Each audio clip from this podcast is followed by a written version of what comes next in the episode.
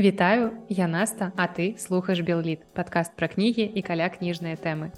І сёння у мяне ў выпуску госць, як вы маглі ўжо здагадацца, калі прачыталі назву гэтага выпуска. І госць гэты гэта перакладчык Сергей Матырка. Вітаю, шаноўнае гаспадарства, вельмі вельмі вельмі рады зноўку сустрэць вас тут на хвалях нашага нашага на хвалях насцінага мегападкаста. Сярожа, сёння ты павінен ацаніць, наколькі гістарычны гэты падкаст, Таму што ўпершыню мы гаворым пра твой пераклад, які я прачытала цалкам. Бо дагэтуль вось якім у 64 выпуску мы абмяркоўвалі пераклад крабата. Я яго на той момант прачытала толькі на палову. І таксама ў 55 выпуску мы абмяркоўвалі з табой пераклад дзівосных гісторый на дабранач. Мы рабілі, як это была першая прэзентацыя кнігі ў падкасці і там я таксама ну, я прям... не до конца дачытаў да ты ну, шо, я прям я, я прям я прям просто у захапленне цябе ты развіваешься так так нарэшце ўжо які 82 выпуск подкаста ўжо як бы пора і паразвівацца Ну і вось сёння той твор які я не тое што дачытала цалкам я яго чытала трэці раз але ў тваім перакладзе конечно першы не я не не чытала твой пераклад три разы дарой я таксама пакуль працаваў з гэтым тэкстам таксама яго шматкрот давялося яго перачытаць у розных стадыях ягонага развіцця.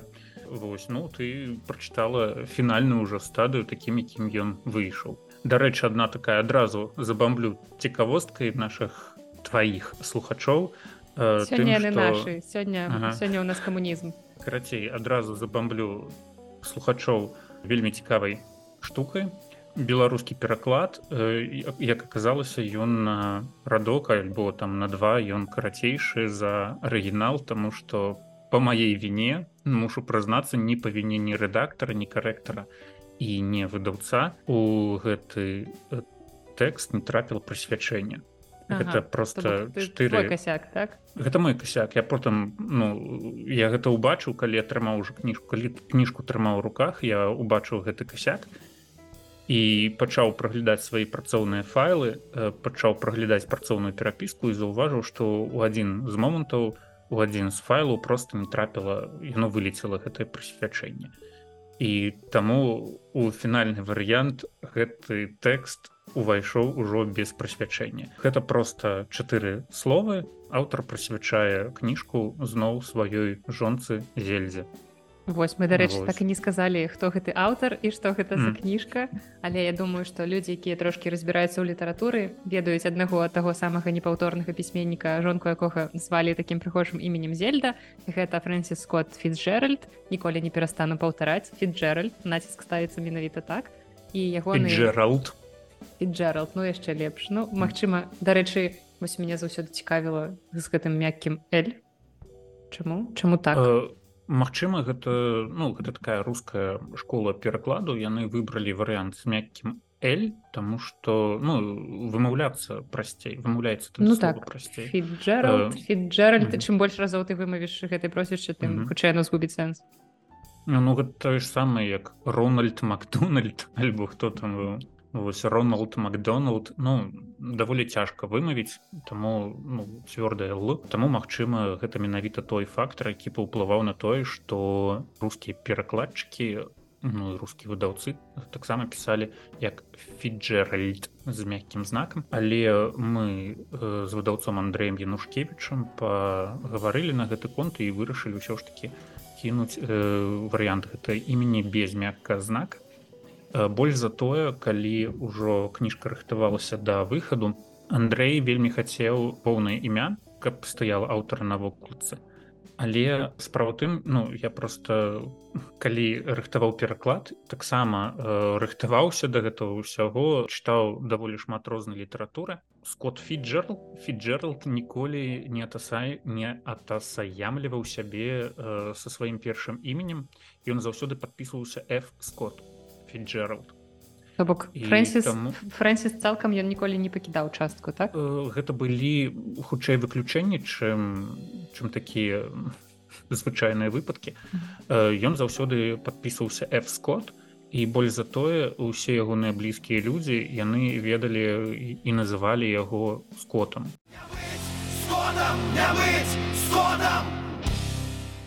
Я ажно полезла гугліць як выглядае вокладка і там реально f скот я неяк не заўважыла. Я мне здавалася что там просто fs фиджералд Вось менавіта ва ўсіх амерыканскіх вокладках. Справа тым што таксама ну разумееш гэта такая ну гэта такі выклік для мяне як для перакладчыка. Займець сабе такую нармальную кніжку ў арыгінале ну, мяркую табе таксама зараз вядома гэтае пачуццё. Так, так. але да гэтага мы яшчэ дойдзем. Так да гэтага мы яшчэ дойдзем.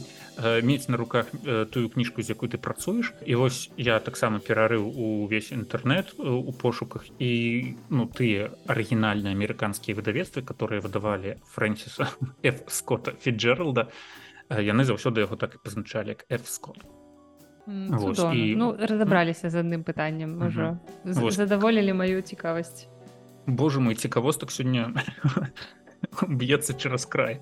Так.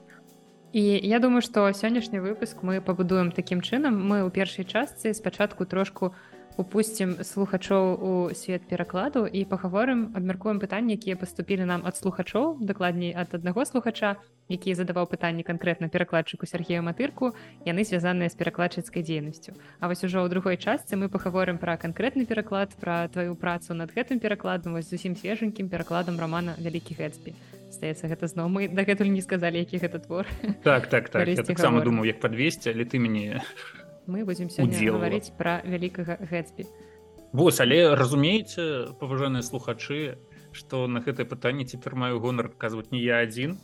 Ну так вырашыў збесца ў кар'ер канешне адразу з кар'ера не вылазіць справа тым што сённяшні эфір вядуць ужо вядзе ўжо не адзін перакладчык вядоўца вядзе таксама два перакладчыкі А я могу назваць калі... перакладчыкам калі у мяне яшчэ няма надрукаваных пераклад Ну мяркую ну як бы пачат... перакладчык пачатковец перакладчыца пачаткоўка мяркую што калі вы сочыце за навінамі літаратурнымі то я мяркую што гэтая навіна вас ніяк не абмінула не абмінула. Менавіта што выдавецтва янушкевич ініцыятыва кнігаўка я не ведаю як гэта правильно называць. Імпрынт выдавецтва да. надоечы аб'явілі аб тым што яны выкупілі правы на стывена нашага усяго кінга но ну, не на ўсяго на жаль пакуль што толькі на роман the shining english.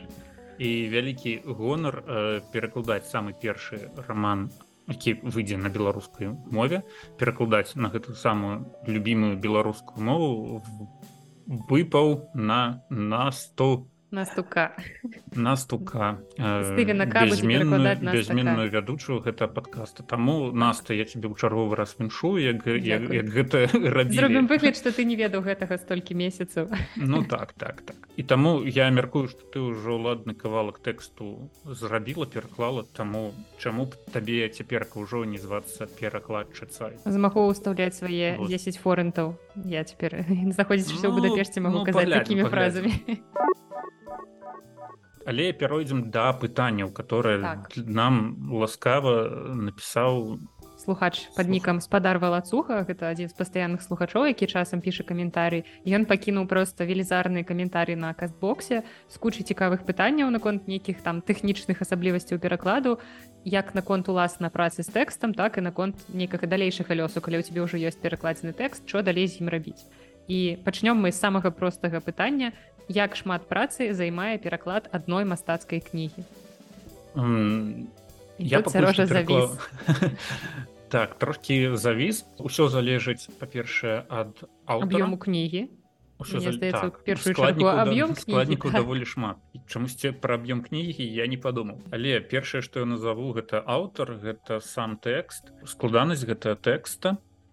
Бо складнікаў у тэксце вельмі вельмі шмат і ты ніколі не можаш зразумець дзе ў цябе на якім месцы адбудзецца чарговы затуп і, і што можа прытармазіць А што можа наадварот паскорыць працу з перакладам гэта Ну мне падаецца што можна якраз пераклад параўнаць з чытаннем твора бо зразумела што нейкія творы кшталту дэтэктываў некай такой забаўляльнай літаратуры вы чытаеце хутчэй і прасцей чым вы будете чытаць не ведаю у ліса джеймса джойса. Ну, прыкладна так з пераклад я просто пакуль што не перакладаў дэтэктывы не перакладаў такую як называется масавая літаратура я не люблю калі літаратур называюць масавай Таму што ты жывеш у Беларусі у беларускай літаратуры масавая літаратура гэта такое паняцце нонсенс.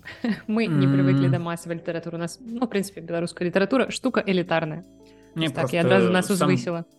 Не просто сам вырас людскія масы і он паходзіць з фашысцкай германії таму менавіта я і не люблю калі літаратуру называюць масавай і калі там мастацтва называют таксама масавым там ну магчыма мой заскок але ну няхай он пакуль што застанецца толькі маім заскокам. Так вернемся да пытання ўсё ж таки разумееце калі перакладаць тэкст такі поўны там розных адсылак табе кожную гэту адсылку трэба адсачыць і належным чынам перадаць у тваім тэксце калі табе трэба перакладаць тэкст который вось напрыклад для дзяцей табе трэба ну вот тое что я рабіў напрыклад з мозаром тебе трэба кожны сказ вывяраць як ён чытаецца наколькі проста ён чытаецца бо гэта будуць чытаць ну маім выпадку ну, мозар перакладзены для дзяцей ад трох гадоў наколькі ён успрымаецца наколькі гэты тэкст чытаецца у голас. Таксама там перад люстэркам даводзілася чытаць паролях мне аднаму трэба было здымаць збоку цікавы засталося паміж мной і люстэркам тут таксама трэба было адсочваць колькі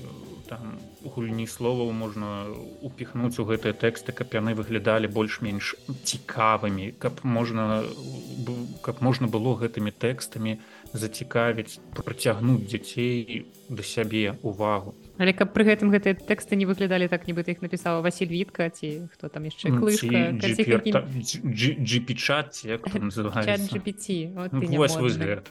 Вось таму тут канешне трэба вельмі моцна сачыць за стылем вельмі моцна сачыць за голасам аўтара і ну не адставаць ад гэтага. І гэта той складнік які менавіта мяне заўсёды прытармажвае крыху тому что ну я даволі моцна там перажываю за гэтыя тэксты. Я ж табе казаў некалі што крабата першую частку там ну тры разы перапісваў так. бо бо не мог спаймаць менавіта вось гэты голас аўтара. І ну для мяне ўсё залежыць менавіта ад самого тэкста. Вось, ад ягонай складанасці. Але калі сказаць ну так просто стандартная якая-небудзь кніжка которая вось ну напісаная больш-менш прастойна ну будзе перакладацца там ад у тэрмін ад паўгода да года. І тут зараз все людзі такія чё? Ну, ну, гэта падаецца вельмі вельмі вялікай нейкай такой лічбай. Бо ведаеш нам жа хочацца каб калі твор выходзіць не ведаю дзе-небудзь за мяжой некі вось той же стывен кінг выдае твор па-англійску і каб літаральна ну месяц і праз месяц каб ужо з'явіўся твор гэты на беларускай мове там допустим ці на нейкай іншай. Але ну вось просто каб трошку знізіць чаканне чытачоў так хутка на жаль гэта не адбываецца. Толькі бываюць жа выпадкі калі выдавецтва замежнае прадастаўляе тэкст чарнавіка нейкага ўжо гатовага рукапісу перакладчыкам да таго як выйшаў арыгінал.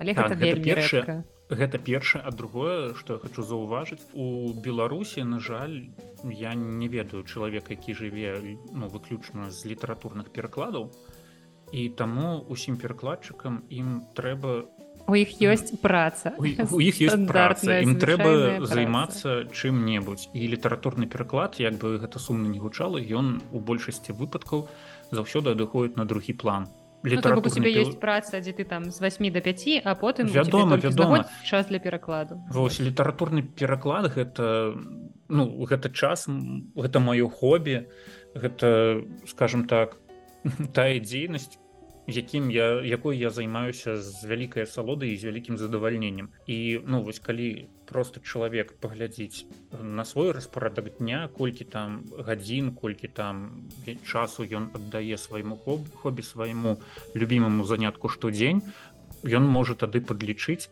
колькі гадзін напрыклад я альбо ты цяпер аддаеш ну, сваёй любімай справе. Спадзяюся любімая справа. Так пакуль што яшчэ так і таму для мяне вось гэты фактор того что я магу прысвяціць перакладу толькі некалькі гадзін ну даволі кароткі час штодзень. Для мяне гэты фактор адзін з тых які вось прытарможвае менавіта сам пераклад кніжкі. Магчыма у іншых краінах ёсць людзі которые жывуць выключна з літаратурнага перакладу. Мы конечно. мы ім зайздросцім Мачыма тады ў іх вельмі хутка перакладаюцца кніжкі.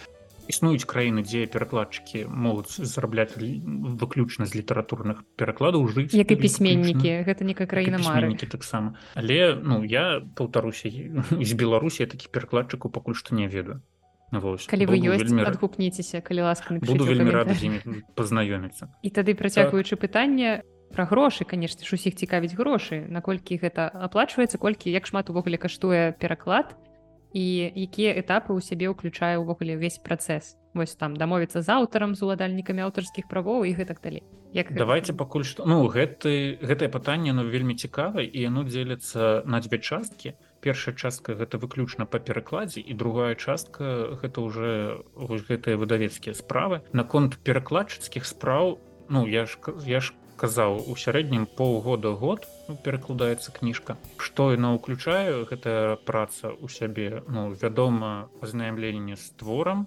я ўсё ж таки за рэдкім выключэннем заклікаю до таго каб все ж таки кніжку спачатку прачытаць а потом брацца за пераклад гэтай кніжкі. Пазнаямленне з творам потым э, сам пераклад потым табе трэба падчас перакладу альбо да перакладу. Ну і выключна гэта спрацоўвае у мяне. Мне трэба падняць даволі шмат літаратуры пра гэтага пісьменніка пра гэту эпоху пра гэтую мясцовасць каб ну ведаць якія словы падбіраць якія словы лепей не ўжываць і гэтак далей.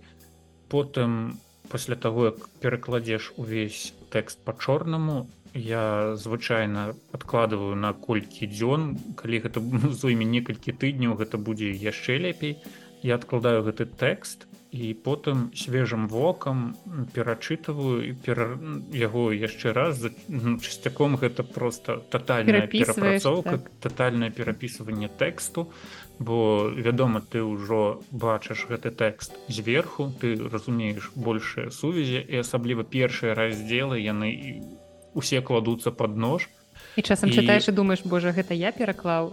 Гнаць ну, прафесіі просто. не гэта круто калі вось такія думкі цябе наведваюць гэта реально круто гэта значыць что ты ты крыху адарваўся ад гэтага тэкста і ты паціху робішся прафесіяналам. Ну, так, ты... ты не баішся э, выправіць штосьці ў сваім жа перакладзе не ставіся да яго да чагосьці суперсакральнага што нельга парушыць што ты можаш так, так, я так, лічу, што... калі біблію столькі разоў перакладалі калі біблію столькі разоў перапісывалі розныя перакладчыкі то чаму ты сам не можаш перапісаць свой тэкст такі тыпер ну который ты напісаў? І тут не трэба я не ведаю вельмі так клапаціцца аб гэтым тэксце як пра сваё дзіцё. Калі ты можаш зрабіць гэты тэкст карацейшым і больш лаканічным рабі гэта. Выкідваць непатрэбныя злучнікі непатрэбныя э, займеннікі непатрэбныя там не ведаю эпітэты яшчэ штосьці такое. Гэта заўсёды э, пойдзе толькі на карысць. Калі ты можаш напрыклад з поўнага сказа зрабіць няпоўны сказ то гэта таксама будзе ну вялікі вялікі плюс. І ў гэтым таксама ну, да гэтага ты прыходзіш не адразу ну, тут я кажу выключна пра сябе да гэтага ты прыходзіш не адразу з пэўнай колькасцю тэксту перакладзеных гэта да цябе прыходзіць. І вось у гэтым менавіта такое заключаецца майстэрства перакладчыка. І вось гэта майстэрства гэта просто штука бясконцая бо ты можаш канешне зрабіць все вельмі вельмі прыгожа але залашыцца на якой-небудзь я не ведаю лужані калюжані і застацца апошнім лохам. Ты не мусіш перакласці усю думку за некага замежнага аўтара даслоўна ты мусіш перадаць яе так каб яна адэкватна чыталася на тваёй мове. Бо трэба разумець наколькі часам мовы бываюць розныя. Калі ты перакладаеш нейкіх там блізкіх моў з рускай украінскай гэта адна справа. Але калі ты перакладаеш звогуле іншай мовай гэта зусім па-іншаму будзе гучаць. І вельмі часта калі чытаеш тэксты нейкія на рускай мове там пераклады нейкіх твораў якія ў арыгінале англамоўныя ты бачыш гэтыя англійскія канструкцыі ты разумееш што чалавек не думаў па-руску ў той момант калі перакладаў ён чамусьці думаў на сваёй няроднай мове. І просто даслоўна гэта пераклаў замест таго каб зрабіць гэтага калі ну любым выпадку калі твор перакладаецца ён становіцца набыткам той мовы на якую ён перакладзены і яе культуры і часткай вось нейкага культурнага коду то бок кінг па-беларуску і кінг па-руску ці фіджерал па-англійску па-руску па-беларуску гэта ўсё абсолютно розныя фіджерал і вось у дадатак ты таго што ты сказала яшчэ раз хачу там не веду пацвердзіць сваё вось меркаванне я вялікі адэпт таго каб ну перачытваць свае тэксты і перарабляць вось гэтыя тэксты яны ну вось гэта пераробка яна пойдзе толькі на карысць. Самому тэксту который як ты сказала потым увойдзе там не ведаю стане увойдзе ў структуру вось гэтай вялікай беларускай літаратуры якую мы разам усе робім. Гэтаму трэба аддаць свой час гэтаму трэба аддаць вялікія высілкі але тое что будзе напрыканцы ты будзеш глядзець і толькі радавацца но такого будзе варта зрабіш так. ты прыклаў да гэтага свае лапы. Потым наступны этап это вядома рэдактура за рэдактуру э, звычайна берацца іншы чалавек который у лепшым выпадку бачыць гэты тэкст упершыню Але пажадана мне здаецца каб рэдактор все ж таки валодаў мовай з якой перакладаюць. Канешне канешне ну важная я гэта я гэта не згадываю тому что гэта прыёра павінна быць да, гэта табе прыёры там что ты перакладчык але вось для людзей я патлумачу что ну лепш калі чалавек сапраўды ён можа заўважыць нейкі такія касякі якія магчыма прапусціў перакладчык там не таму что ён недасведчаны перакладчыка тому что ну вока замыльваецца ты просто так, тут часам тут час фразеологізм э, выпусціць тут часам складаецца канешне такое такое правіла что чатыры вокі бачаць лепей за два. Ну і таксама жыццёвы досвед жыццёвы досвед аднаго перакладчыка жыццёвы досвед іншага перакладчыка рэдактара. Яны ну людзі бачаць перажылі розныя і вось гэтыя два жыццёвыя досведы яны сутыкаюцца і вось пры гэтым кантакце можа можа нарадзіцца штосьці новае штосьці ну клёвае. Гэта трошки падобна да таго што робіцца на другім этапе калі ты сябе начыста вычытваеш. Ну, але тут ну, яно, яно чалавек досведчаецца так, яшчэ адзін чалавек. Так. Вось і потым пасля рэдактуры звычайна даецца аддаецца гэты тэкст зноў перакладчыку які у маім выпадку я прымае або не прымае рэдактор рэдактарскія праўкі. Не прыняцце рэдактарскіх правак гэта не злачынства.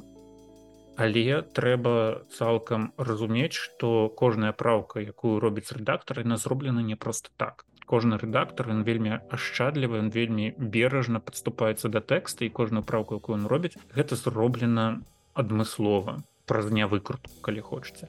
І тое что ты вось менавіта на гэтым этапе тое что ты прыняў альбо не прыняў конкретную праўку гэта ўжо той грэх які ты будзеш несці на сваім гарпу до конца жыцця. Тут трэба канешне весці дыялог с рэдактарам калі ты штосьці не прымаеш і тут вельмі важны момант каб рэдактор быў менавіта рэдактарам а не спрабаваў нейкія свае амбіцыі туды пускаць і гуляць у перакладчыка калі ён робіць нейкую праўку не таму что ты сапраўды няправільна пераклаў як перакладчыка таму что ён просто бачыць на гэтым месцы іншае слово якое вот яму падаецца больш дарэчным. І тут таксама вельмі складана рэдактару сябе трошки опускать на зямлю і разумець что ты тут рэдактор ты не перакладчык. Ёсць перакладчыцкае рашэнне і ты просто мусіш зрабіць яго лепш але не перарабіць Ну так і што яшчэ трэба сказаць асабліва калі ну гэта твой першы пераклад не трэба баяцца чырвонай фарбы. Так, калі... калі я даслала калі... колькі дзве старонкі калі... сярожу свайго перакладу кінга і гэта было просто все цалкам чырвона я такая паглядзела подумала, не так это ну, круто мы с тобой змаглі шмат пра што пагаварыць не? Так так. І гэта было вельмі цікавая гутарка вельмі цікавая размова. І не ведаю як табе мне было вельмі цікава. Просто шмат ты заўважаеш нейкіх рэчаў якія здаецца ты ведаеш. Вось колькі я камунікую з рознымі перакладчыкамі сярожам з іншымі перакладчыкамі. І здаецца нібыта ў тэорыі ты ўсё ведаеш. Ты падступаешся да свайго ўласнага перакладу і у цябе нібыта просто поўная амнезія здараецца. І ты ну так что тэкст як робот просто як робот так, потому что прывязаная да да вось гэта англійская альбо там не ведаю іншамоўнага сказа. І тебе вось гэтая канструкцыя ну тебе стрымліваю ты плюс аўтарытэт аўтара типа хто я еще... такая? Увогуле каб кінга выпраўляць вось ён тут паставіў гэтае слово. Неважна что по-беларуску нагучыць недарэчна але ж гэта кінг ён як бы меў рацыю глядзі неўзабаве кінг табе будзе тэлефанаваць казаць hello наста стейтмейн і сколінг Таму ну тут канешне вельмі шмат таких дробязей але ну асноўна не баяцца чырвоных радкоў вось не баяцца чырвонай фарбы калі э, ну калі вельмі шмат розных правак атрымаеш ад рэдактара. Гэта нагода каб пагаварыць. Ну і гэта заўсёды круто пагаварыць пра тэкст ты вельмі шмат чаго можаш набрацца. Я тут просто недавно чытаў кніжку рус ну пераклад на рускі гэта фэнтэзі стывена эриксона я так і подумала что ты скажешь стывена эриксона і яго перакладала выдавецтва эксмо а потым калі увесь цикл быў даведзены до конца іншае выдавецтва азбука вырашыла ўзяцца за перавыданне і яны цалкам зрабілі новую рэдактуру перакладчык той той же самы ефрем лихтенштейн калі не памыляюся. І імя э... просто імя гучыць як песня. І у мяне была магчымасць параўнаць просто гэтыя два тэксты азбучны тэкст который атрымаў дадатковую рэдактуру і тэкст адэксмо у которого э, вось гэтай дадатковай рэдактуры не было. І тое что я побачыў я ну я убачыў тое что як на маю думку усе вось гэтыя праўкі яны мелі месца быць гэта ўсё правильно было зроблена і да мяне нават закралася такая крамольная мысля что у выдавецтва эксмо увогуле не было ніякай рэдактуры такое цалкам магчыма ведаючы выдавецтва эксмо як там выданне кніжак пушчана просто на поток то я не здзівлюся. і чаму і чаму я гэта кажу э, ну як бы я не магу нідзе паглядзець як робіцца нармальная рэдактура пераклада. І вось гэта быў скажем так першы выпадак калі я пабачыў як вось гэта рэдактура адбываецца. І там у гэтых двух тэкстах там реально было вельмі вельмі шмат правак і таму калі тэкст падобнага тыпу калі там перакладчык ефрем лихтенштейн гэта не хлопец з бугра калі ягоныя тэксты так нешчадна правіць нешчадна перапісваюць то як бы чаму табе як пачаткоўцу чаму ты павінна баяцца вось гэтых правак? Гэта працуюць не над табой гэта працуюць над тэкстам і так, то это не значит ты, что ты дрэнна валодаеш мовай что ты дрэнны перакладчык не не знаю ну, потым так гэта вось які трэці так трэці этап. І потым гэты э, тэкст ён трапляе да карэктара который вычытываў ужо на памылкі. І у ідэальным свеце перад тым як ужо гэты зверст а потым да вёрсткі адпраўляецца ты ўжо не маеш ніякае дачыненне ні да карэктуры не да вёрсткі і ў ідэальным свеце пасля вёрсткі твой выдавец можа э, табе прыслаць гатовы макет кніжкі э, у там pdf-ку альбо что-нибудь такое каб ты мог яго яе яшчэ раз вычытаць там унесці там апошняе что-небудзь у выпадку з вялікім газбе непасрэдна перад тым як адправіць кніжку друк мне далі там 23 дня просто перачытаць гэта ўсё у мяне быў час. Я перачытаў і здаецца 10 правак я ўнёс.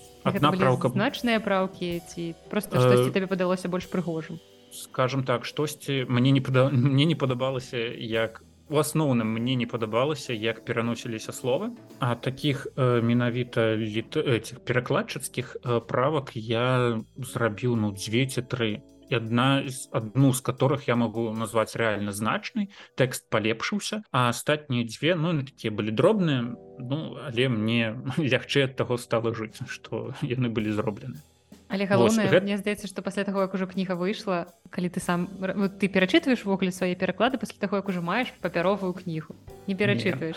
Таму што мне падаецца, што вось гэта той момант, калі варта тэкст адпусціць, а не жыць з адчуваннем, што перачытваеш і думаеш, Божа, я тут яшчэ мог паправіць, А вось тут можна было так зрабіць і ну можа быць правільна, што ты іх не перачытваеш. Адзінай я перачытваў першага мозара, калі рыхтавалася другое выданне неверагоднай гісторыі на дабраныч. Тады яго іх яшчэ раз перачытаў і там таксама дадаліся праўкі, которые цалкам мяняюць ваше адчуванне тэксту. Ну все все побеглі шукаць новае выданне мостра якое уже немагчыма знайсці ў крамах. Вось мы уже дайшлі до моманту калі у нас есть папяровая кніжка. Але мы ўсё яшчэ не пагаварылі про тое як мы дайшлі до гэтай кніжкі у тэхнічным плане. Вы гаварылі ўраласна пра працу над тэкстам але як увогуле выдавецтва вырашае ось я хочу гэта перакласці і што далей рабіць. Ну вось гэтае пытанне на частку гэтага пытання я магу сказаць толькі вось выказаць свои здагадкі. Скажем так я як перакладчык я я штосьці ведаю з вось гэтай выдавецкай кухні але дакладна я нічога сказаць не магу. Тут канешне трэба звяртацца да выдаўцоў але ну здагадкі мы можам канешне вось гэта расказаць як гэта ўсё адбываецца.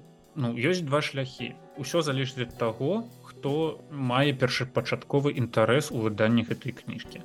Альбо выдавец альбо сам перакладчык. То гэтую кніжку каму дзядзюліць альбо перакладчык яе ў дзядзюліць выдаўцу каб ён за яе ўзяўся альбо наадварот выдавец перакладчыку і тады шлях ужо робіцца больш-менш такім аднолькавым пасля гэтага. Па-першае трэба звязацца з уладальнікамі аўтарскіх правоў. Гэта павінен рабіць выдавец.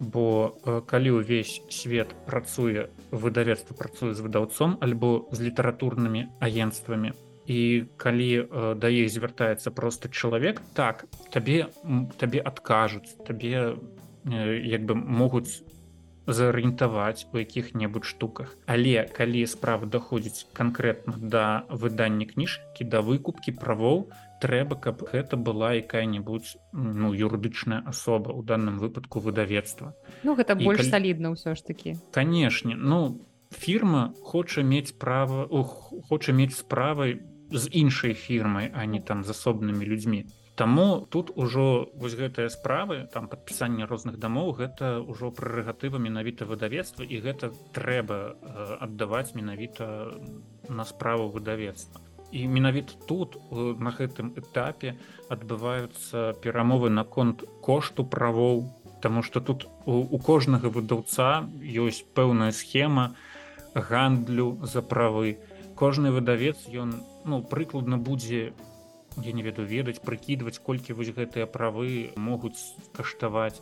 І колькі ён можа патраціць бо можа так здарыцца что ты хочаш выдаць кніжку на якую у тебя просто няма грошай так і ўрэшце рэшт гэта ж потым выдаўцу трэба разлічваць кошт асобнага асобніка асобнага экземпляра. І ўсё гэта павінна быць улічана я маю на ўвазе выкуп правоў там ганарар перакладчыка рэдактуры і ўсё такое. Таму тут у кожнага выдаўца вядома свае мадэлі паводзіну свае мадэлі вядзенне перамоваў і свае грошы. Я як не выдавец тут я нічога сказаць не магу але скажем так думаю ну, что я могу на гэтую частку кухонькі подкинуть так. можешь магу трошку расказаць пра то як адбываецца гэта часам выдавец можа скласці ліст да праваўладальнікаў калі ён паведамляе пра тое што ён хоча выкупіць правы там на пэўнае выданне. Ён можа распісаць напрыклад як у сітуацыі з беларускімі кнігамі можа распісаць сітуацыю у якой аказваецца яго літаратура ў дадзены момант і чаму там вельмі важна для нас перакласці гэты твор або чаму вельмі важна для нас каб цана там не перавышала пэўную лічбу Таму што мы там знаходзімся ў такіх умовах. І таксама ён можа ўжо адразу напісаць там якую суму ён хоча прапанаваць літаратурнаму агенству. Літаратурна агенства дасылае свой адказ у якім яно можа адразу або пагадзіцца на гэтую цану або сказаць што не ў нас типа вось пачынаецца ад такой сумы толькі з такой сумы можемм з вами размаўляць або можа наадварот адмовіць. Тут канешне на гэтым этапе вы як перакладчык можаце па-першае наладзіць сувязь паміж агенствам. Вы можете першыя ну знайсці прынамсі контакты вось гэтых агентстваў которые непасрэдна адказныя за тую ці іншую кніжку вы можете ўжо наладзіць там сувязь з гэтымі написать добрый день я такі-то такі-то э, з краіны под назвай Беларусь гэта не Россия. І мы хочам я хацеў бы перакласці гэтую кніжку на беларускую не рускую мову. Адразу трэба гэта пазначаць такой сітуацыі так что трэба заўсёды гэта удакладняць смешна не гучала але факт. Потым ужо калі дыялог будзе завязаны абавязкова трэба далучаць да гэтага э, самога выдаўца. Бо усе вось гэтыя бізнесаўскія справы выраш ну, вырашаць не вам вырашаць выдаўцу. Ну, калі вядома не, не перакладчык выдавец Ну, так. Але ну звычайна у выдавецтваў ужо ёсць нейкія наладжаныя кантакты ці яны ведаюць кагосьці ў свеце літаратуры да каго можна звярнуцца каб выйсці там на пэўнага праваўладальніка. Ну у іх карці ўжо ўсё гэта все стасункі наладжаныя звычайна. У выпадку з беларускім кнігавыданнем варта ўсё ж таки паклапаціцца знайсці прынамсі аж сказаў мэйл якога-небудзь там чалавека который адказаны за літаратурныя правы за аўтарскія правы. Таксама вы можете прапанаваць свае паслугі у якасці там не веду перакладчыка лістоў которые там корэспандэнцыі бо вядома ўсё гэта можна весці на англійскай мове між міжнароднай. Пакуль што скажем так за свае кніжкі перакладзеныя мной я пакуль што корэспандэнцыі ніяк не перакладаў усё вялося на англійскай мове. Але ну можа быць такі выпадак калі вы перакладаеце з якой-небудзь экзатычнай мовы альбо калі ваш выдавец англійскай мовы не валодае можа быць такі выпадак калі вам давядзецца таксама прадстаўляць такія ваш паслугі аказваць па перакладзе гэтых вось гэтай карэспандэнцыі і тады вы на гэтае пытанне зможаце расказаць болей нам чым мы вам Ну, любым выпадку карысна калі перакладчык сам зацікаўлены ў выданні кніжкі і зацікаўлены там у пошуку вось усіх гэтых контрактаў калі калі ён можа дапамагчы выдаўцу.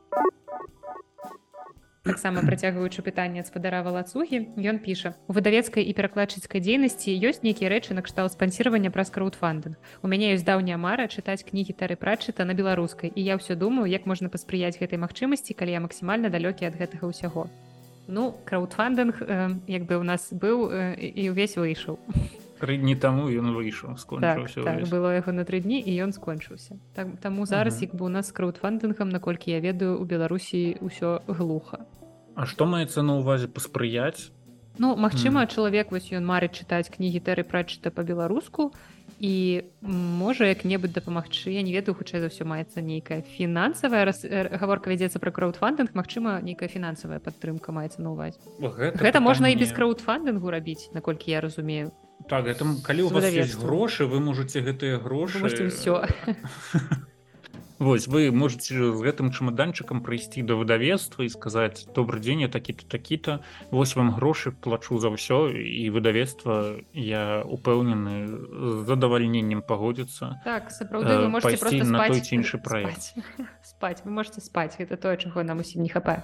Вы можете стаць генеральным спонсорам выдання і напрыклад калі вы прадстаўляеце нейкую фірму Магчыма у вас у свой бізнес вы можете на возмесціць там сваю рэкламу кнізе такія выпадкі зда здараліся або просто калі вам не хочется славы вы просто хочетце каб гэтая кніга была по-беларуску просто прыходзіце да выдаўца і і кажце вось мой мой чумаданчык грошай рабіце з ім ну, што хочаце Вось напрыклад вышэй згаданы Стывен Эрксон ён вельмі ну, было некалькі спроб ягонага выдання на рускай мове.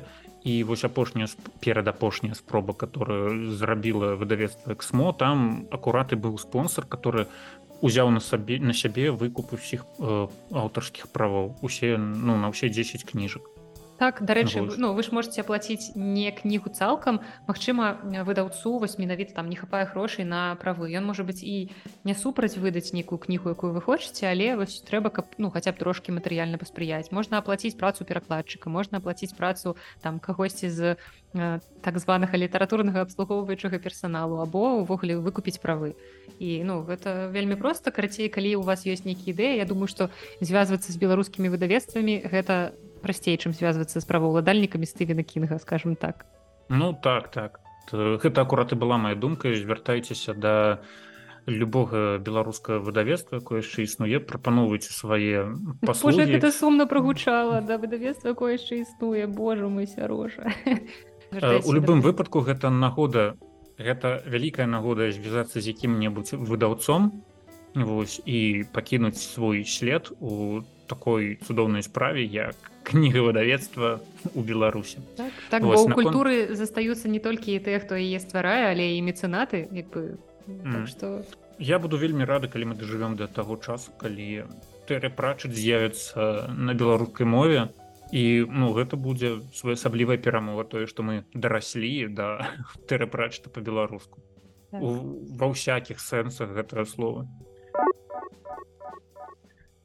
Ну і тады я так разумею пытанняў больше не больш не засталося не ну, спадзяюся мы агулам акрэслілі ўвесь працэс з'яўлення кнігі перакладной. Прынцыпе Вось, ну калі будуць яшчэ якія дадатковыя пытанні дасылайце смела туды куды вы дасылалі заўсёды гэтае пытанне і я ці наста мы з задавальненнем на іх адкажам гэта не праблема А цяпер ужо можна перайсці да канкрэтнай кнігі і зараз ты будзеш мне расказваць шмат цікавага, Таму што я даволі мала ведаю пра асобу вы бачылі зараз твар сярожы. Я даволі мала ведаю пра асобу Фіджералда. Ведаю зусім трошкі гісторыі яго стасункаў з жонкай. Таму што гэта даволі аўтабіяграфічная штука сустракаецца ў ягоных творах. Таксама пра сам твор ну прынпе я яго чытала і штосьці магу абмеркаваць але я думаю сярожа які перакладаючы гэты твор прачытаў усё што толькі ёсць даступнага ў свеце звязанага з біяграфіяй творчасцю. І ён вазіў з сабой у торбе біяграфію mm. фіджералда. Гэта была з серыі жыццё як там жизнь замечательных замечательных людзей так, так з сабой томік пра фіджеральда і чытаў яго па дарозе дадому. Адразу пачнём з гісторыі гэта ўсё пачалося. Пачалося гэта ўсё недавно ганненпутам не сказала что пачалося ўсё 15 сакавіка 2000 2016 года. Э, дзе Боже мой. Это дзень конституцыі як шмат усяго звязана у 2016 годзе э, я думкамі ўжо падступаўся до таго каб пачаць штосьці перакладаць вялікая літаратурная дагэтуль э, у мяне былі такія невялічкія спробы дзе там каротенькае апавяданне дзе там штосьці іншае перакласці. Але хацелася вядома там узяць які-нибудь альбо вялікі твор або твор які-нибудь такі значны. Я не хочу казаць слова вялікі вось у пэўны момант я просто падумаў чаму б не ўзяць фіджералда бо па-першае на ну твор даволі знакаміты на той час 16 год толькі-толькі праграмела экранізацыя з леонардо дэкапра по-другое аўтар даволі даўно памёр і аўтарскія правы у прынцыпе гэта праблема якую можна разруліць. Ну і у мяне былі такія каварныя задумы чаму б не ўзяцца за гэта першае што перакладчыку трэба даведацца ці першы ці быў перакладзены гэты твор увогуле на беларускую мову і другое ці перакладаецца гэты твор зараз. Бо як бы там у якім бы стане не была беларуская перакладная літаратура гэта абавязкова трэба спраўджваць. Бо былі такія выпадкі калі людзі вельмі вельмі былі выпадкі, одно і тое ж калі людзі некаторыя перакладалі адно і тое ж і ўрэшце рэшт камусьці трэба было саступаць і разумееце як я казаў паўгода ў год просто былі змарнаваны ў кагосьці не ведаю вылецелі ў трубу ён гэты час мог патраціць на штосьці іншае я не ведаў каму напісаць. Я напісаў перакладчыца Ганны Ян... ганні янкуце. Я тады яе не ведаў асабіста мы толькі перапісваліся у фейсбуку я не ведаю як гэта было. Мы яшчэ тады на выбылі альбо ўжо перайшлі на ты я я просто запытаў ці перакладаў хто-нибудь фіджералда вялікая гэтсбі на беларускую мову і яна пашу ты не мог загугліць гэтага мне здаецца мала вось зараз рэальна мала бо ну можа аказацца так што якая-небудзь якое-небудзь выдавецтва там савецкія ну, часы тр... да, да, да. не нават зараз якое-небудзь выдавецтва трымае ў сакрэце тое што то што яно выкупіла правы тое што яны выкупі альбо выкупілі правы альбо ўжо вядзецца праца над той ці іншай кніжкай і таму у калег абавязкова трэба спытацца Мачыма хтосьці недзе чуў хтосьці камусьці сказаў па вялікім сакрэце толькі нікому не кажы але я там працую над зяннем стывена кінга Дарэчы ну падобная гісторыя са стывеном кінгам яна была калі ў мяне там запыталі. Ну, у нас ёсць намер там выдаць стывена кінга зяння Ну і я такі кажу кажу ребята стапе що ну так тут можна ўжо прызнацца што як бы не хаваць у сакрэце. Ну калі э, ты не можаш гэта сказаць на шырокую аўдыторыю але калі адбываецца вось менавіта такая сітуацыя ты мусіш паведаміць все ж таки людзям што праца над гэтым перакладам бо... ужо вядзецца. Не рабіце двойную працу праца гэта даволі вялікай вялікіх высілкаў э, патрабую таму ну лепей адразу сказаць ребята не стапе стапе не трэба Таму ось 15 сакавіка 16 -го году ўсё э, пачалося. Гэта дата адліку калі я задумаўся над тым а ці не паспрабаваць мяне ці не паспрабаваць мне перакласці вялікае гэтбе ўсё неяк закруцілася Я гэтую кніжку пер... ад таго часу я пераклаў ну, здаецца за год у красавіку я тады пачаў працу і здаецца у сямнадцатым годзе я на, ну, на чорную пераклаў гэтую кніжку. Гэта быў мой не першы пераклад але у яго можна назваць першым. Ну, бо мой мой досвед который быў да вялікая гэтсбі я не магу яго назваць увогуле досведам і той чарнавы гэтсбі які я зрабіў у, у сакавіку 17 -го года калі поставіў кропку гэта таксама яшчэ ну такі сабе досвед. Так я чагосьці ўжо даведаўся чагосьці ўжо там дазнаўся як як можна рабіць то як можна рабіць тое але гэта былі пачаткі я думаю что праз 10 гадоў я зусім по-іншаму буду думаць гэты твор трэба будзе мне перакладаць нава але э, вернемся не перачытвай свой пераклад вось, вось, вось, там, але вернемся ў 2017 год калі мой пераклад быў зроблены і тады былі ўжо вяліся першыя размовы наконт таго каб гэты пераклад апублікаваць. Але гэтыя размовы урэшце рэшт яны звяліся ў нішто Вось яны так нічым і засталіся і тут я со свайго боку хочу сказаць вялікі дзякуй бо той тэкст который ну прэ гэтсбі который был тады гэта ну бета-версія гэтсбі это вельмі вялікае адрозненне ад таго что вось цяпер можна патрымаць у руках. То бок можна сказаць что сустрэўшыся з кнігай са сваім чарнавіком пазней ты можна сказаць перапісаў яго на ну зразумей калі я зноў сустрэўся з гэтсбі паміж гэтым былі у мяне тры пераклады. Два пераклады так. два пераклады мозара і адзін пераклад от фрда пройслера. І хоць я і перакладаў з нямецкай мовы але я ўжо глядзеў на тэкст зусім іншымі вачыма. Я глядзеў на вось гэтыя сувязі которые выбудоўваюцца паміж англійскімі і беларускімі словамі ўжо зусім іначай уже зусім з іншага гледзяшча і таму мне гэты тэкст даводзілася ну месцамі і вельмі шмат гэтых месцаў аказалася пераперакладаць перапісваць начыста перапісваць нанова бо тое што я бачу тады у 2016 годзе сваімі зялёнымі як агеньчык на на тым канцы праліва. Зеленымі як мои пазногці вачыма. Такое сабе гэта ўсё канешне вельмі прыгожа але трэба уключаць цвярозы розум і бачыць что такія такія словы ну гэта ўжо скатываюся у тэкстал у тэксталогію што такія такія словы яны не могуць быць спалучаны по такім-то і такім-то з таких і таких-то прычын. Гэтага я у 2016 годзе разумеў слаба гэта зараз я спадзяюся што я разумею трошки болей. Пераклад справа перакладу гэта такая справа бясконцага самаразвіцця і, і сам сябе можна далдоніць вельмі вельмі моцна вельмі ну, вельмі як у вывучэнні моваў. Ты ніколі не зробішся дасканалым ты ўвесь час гэта ўдасканальваеш і няма такога што ты ўсё забіў галоўнага боса і прайшоў гэтую гульню.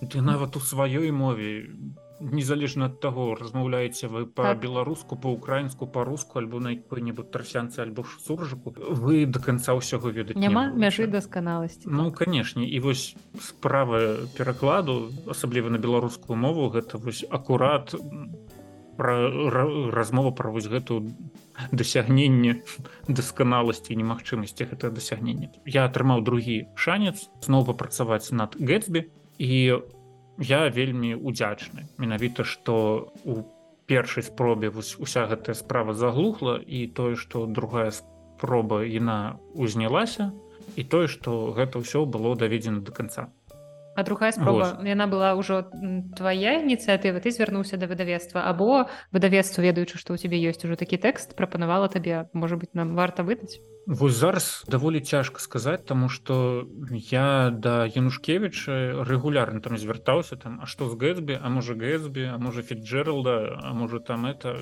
Як бы ну на розных этапах ідзі ты со сваім гэтсбі туды Вось але тут мне падаецца момент... склалася ўсё ў сістэму калі янушкевич убачыў розныя творы якія можна аб'яднаць. Гэта быў mm. хемінгуэй фитджералд і что там рэмарк. Рэмарк чорная беліска так і вось ну гэта вельмі крутая аказалася ідэя аб'яднаць вось трох аўтараў згубленага пакалення. Наконт згубленага пакалення вельмі шмат вядзецца спрэчак як правільна яго называць. Я так, паколькі мы прывыклі да тэрміна страчанае пакаленне. Я вельмі люблю называть гэта згубленым пакаленнем. Чаму? Тому что страчаны носіць ну само слово страчаны яно такое крыху узнёслае А тут у гэтым тэрміне там менавіта павінна быць больш простае слово. Страціць штосьці і згубіць штосьці.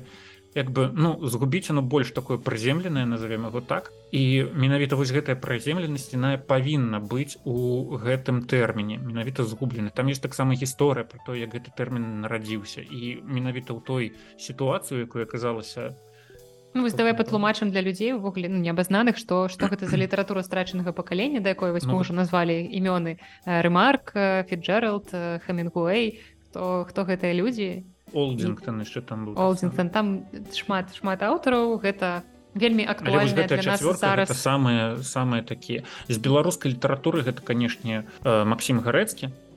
Так усе аўтары якія тварылі пасля першай сусветнай вайны і што немалаважна ну іхны лёс э, другая сусветная вайна зачапіла. Неважна як. Э, ну вось напрыклад што гарэцка што хімінгуэ што рэмарка вайна зачапіла непасрэдна. Яны ваявалі перша сусветная так. А вось напрыклад фіджералда і гэта такое крыху біяграфічна яму пашчасціла не трапіць на поле ваенных дзеянняў падчас першай сусветнай. Там ну ён акурат быў у военным лагеры который рыхтаваў солдат да адпраўлення у Еўропу каб там весці баявыя дзеянні. Але штосьці пайшло не так і фіджералда хоць ягонае там прозвішча на эфа у англійскім алфавіце f гэта ў першай палове алфавіта ну ён быў у у апошніх шэрагах лічы што ў апошніх шэрагах каго павінны былі адправіць. Ну як пра яго пішуць біяграфіі просто яго павінны былі заўтра адправіць ужо у Еўропу а сёння вечарам аб'явілі аб тым што вайна скончылася. Гэта бы... пашанцавала дык пашанцавала. Так і таму яму таму ён такі чтлівчык што застаўся ў амерыцы у той час і ў прынцыпе у Еўропу ён наведаў але Еўропа тады была больш спакайней больш больш бяспечным месцам так. Вось чым гэта было падчас першай сусветнай калі вяртацца да самога тэрміна згубленае пакаленне мне падабаецца больш згубленае само слово тому что калі ну потым ты ад вось гэта слова згублен ты можаш плясаць ты можаш сказаць там загубленае пакаленне просто загубілі а я-я-яй як бы ты можаш гуляцца Мачыма што-нибудь яшчэ якія-небудзь там алюзіі можна правесці як-небудзь далей развіць тое чаго ты чаго ты не зможаш зрабіць са словом страчанае я все ж таки адэпт згубленага пакалення. Такім чынам згубленае пакаленне гэта літаратары якія вярнуліся з першай сусветнай вайны. Хтосьці не трапіў на яе але пэўным чынам все ж таки вайна трапіла ў іх лёс у іх жыццё. і і гэта тое пакаленне звычайна гэтых маладых людзей якія згубілі нейкія жыццёвыя арыенціры. Бо вайна мы як бы зараз ужо гэта ведаем не з гісторыі бабулі дзядуль а у прынцыпе з уласнага досведу што такое вайна што яна робіць людзьмі і нават калі ты жывеш там не ў зоне баявых дзеянняў і ў прынцыпе вайна адбываецца не ў тваёй краіне. Але ўсё роўна гэта тое што кладзе на нас пэўны адбітак. І ніхто не выйдзе з гэтага ранейшым. Мы ўсе атрымалі нейкі новы досвед. І для літаратараў гэта вось такі быў час калі яны маглі гэта выразіць у літаратуры і іх творы яны по патыхалі вось гэтай магчыма безнадзейнасцю але пры гэтым нейкай спробай знайсці штосьці ў жыцці. Вось калі разглядаць напрыклад хамінгуэ з яго романам і ўзыходзіць сонца які я рэдагавала. Гэта тэкст перакладзены юркам гаўруком яшчэ ў 70-е гады калі не памыляюся 76 год. І гэта тэкст у якім здавалася б так шмат жыцця бо гэтыя людзі якія не жывуць у парыжы яны жывуць у такім цудоўным горадзе яны маюць магчымасць не ведаю гуляць па гэтых вуліцах просто весці такі абсалютна багемны лад жыцця. Але пры гэтым у іх у жыцці штосьці змянілася незваротна. І тое ж самае я бачыла у гэтсбі. Гэта вельмі яркі твор які як калі вы глядзелі вось гэтую экранізацыю якую ты ў пачатку згадваў з дэкапрыо з тобі магуайрам яна вельмі яркая. Там вось гэтыя сучасныя саундтрекі але пры гэтым гэта нібыта пазбаўленая жыцця кніга. Людзі якія нібыта звонку такія вясёлыя і абсалютна згубленыя унутры вось гэта такое пакаленне літаратараў якое ну вось так яно выказвала свой досвед вайны. Ведаеш і мяне тут э, вельмі дзівіць тое что фіджералд ўсё ж таки адносіцца да згубленага пакалення. Ён стопудова там стаіць сярод вось усіх гэтых аўтараў хаця ён сам на вайне ніколі не быў. Ён пра вайну ведае толькі з расповедаў. Ён быў вельмі блізкім другам да эрнеста хемінгуэя з эрнестом хемінгуэем. І тое што ён чытаў напісанае хемінгуэем і тое што ён чуў з ягоных аповедаў менавіта вось гэта ўсё вылілася у тое што ён пачаў у нейкай ступені імітаваць манеру імітаваць вось менавіта вось гэты вось настрой згубленага пакалення. Ён паказвае тым самым што не трэба было самому быць удзельнікам баявых дзеянняў не трэба было бачыць усе вось гэтыя ваенныя жахі которые ну непасрэдным сведкам которых былі іншыя пісьменнікі якіх мы называлі. Ўсё адно ты будзеш таким скажем разгубленым і таким нездатным для далейшага мірнага жыцця. Бо ну калі ўжо пераходзіць да біяграфіі фіджералда калі яе пераказваць заўсёды ты думаешь чувак что ты робіш со сваім жыццём вось гэта вось не ведаю. Дэвіз жыцця як бы у фіджералда было браць ад жыцця ўсё што можна а об астатнім мы я не ведаю будзем подумаем про гэта заўтра як скарлетахара дарэчы напомні мне пра скарлетахару бо таксама там будзе даволі цікавы факт фіджералда. Нарадзіўся ён даўно памёр таксама даўно. Я не запамінаю все вось гэтыя даты. Нарадзіўся фіджерал у даволі такой багатай сям'і у даволі заможнай сям'і і ягоны бацька памёр даволі рана і маці засталася з я ну з самім фіджералдам і здаецца яшчэ было тры там брат сестра сестра альбо там два браты одна сестра неважно згодна з законамі тадашнімі фіджералду скоту фіджералду выдаваліся грошы толькі ну частка спадчыны бацькавай. Выдавалася толькі там на такое мінімальнае пражыццё каб можна было штосьці паесці можна было штосьці апрануцца і можна было пражытычны мінімум. Так пражытачны мінімум які ўключаў таксама навучанне. То бок за каледжы за універсітэты скоту не трэба было плаціць. Ну грошы ішлі там з бацькавага рахунка але куціць вот. ён не мог па кабаках і казінох гэта ўсё пачалося пазней калі яму там, я не памятаю ці то 18 ці то 21 скрыня пандоры просто. Калі ён мог забраць частку сваёй спадчыны і панеслася. Да гэтага яго паспелі выключыць з універсітэта з універсітэта яго выключылі прыкіньце за што за тое што ён захапіўся напісаннем літаратурных твораў. Вот это паварот ну навошта мне хадзіць на пары калі я лепей пасяжу дома і напишу якое-небудзь апавяданне гучыць лагічна навошта мне ісці там здаваць не які-небудзь залік калі я там пайду ў наше літаб'яднанне triangle і там мы будзем там абмяркоўваць які-небудзь там маленькі верш якога-небудзь удзельніка ось нашага гуртка і дзе я там магу заткнуць запас там таго ці іншага я не ведаю маладога пісьменніка. Ну як рэй брэдберы не хадзіў ва універсітэт яму універсітэт замяніла бібліятэка ён ну, і... ласка у гэтым плане не трэба параўноўваць брэдберы і феджералда і потым ну яго выключылі вядома з універсітэта за такую ягоную непрыгожую дзейнасць. А потым у жыцці феджералда з'явілася прыгожая дзяўчына по імені зелда. Зелда сказаць что гэта была жанчына мроя і сказаць что гэта была жанчына вамп. Гэта ну з цяперашняга гледзяшча гэта значит не сказаць нічога. Гэта была такая ліля брык таго яна настолькі на настолькі захапіла скота что ён не мог ні пра што іншае думаць. Дагэтуль ён мог толькі пісаць он мог толькі займацца літаратурай А цяперака увесь уся свая літаратура ён яе прысвячаў толькі толькі зэльдзе толькі вось ёй адной і нікому і нікому больш. Але зельда яна была такая сабе штучка іна яму сказала чувак калі ну навошта ты мне? Бо ты як бы ты ты ніхто ты... быў тады нікому невядомы скажем так як, як салдат як жаўнер ты як гэта сказаць не састаяўся як бы ты не воеваў ты не служил не служыў не, не мужик. Не служыў не мужик.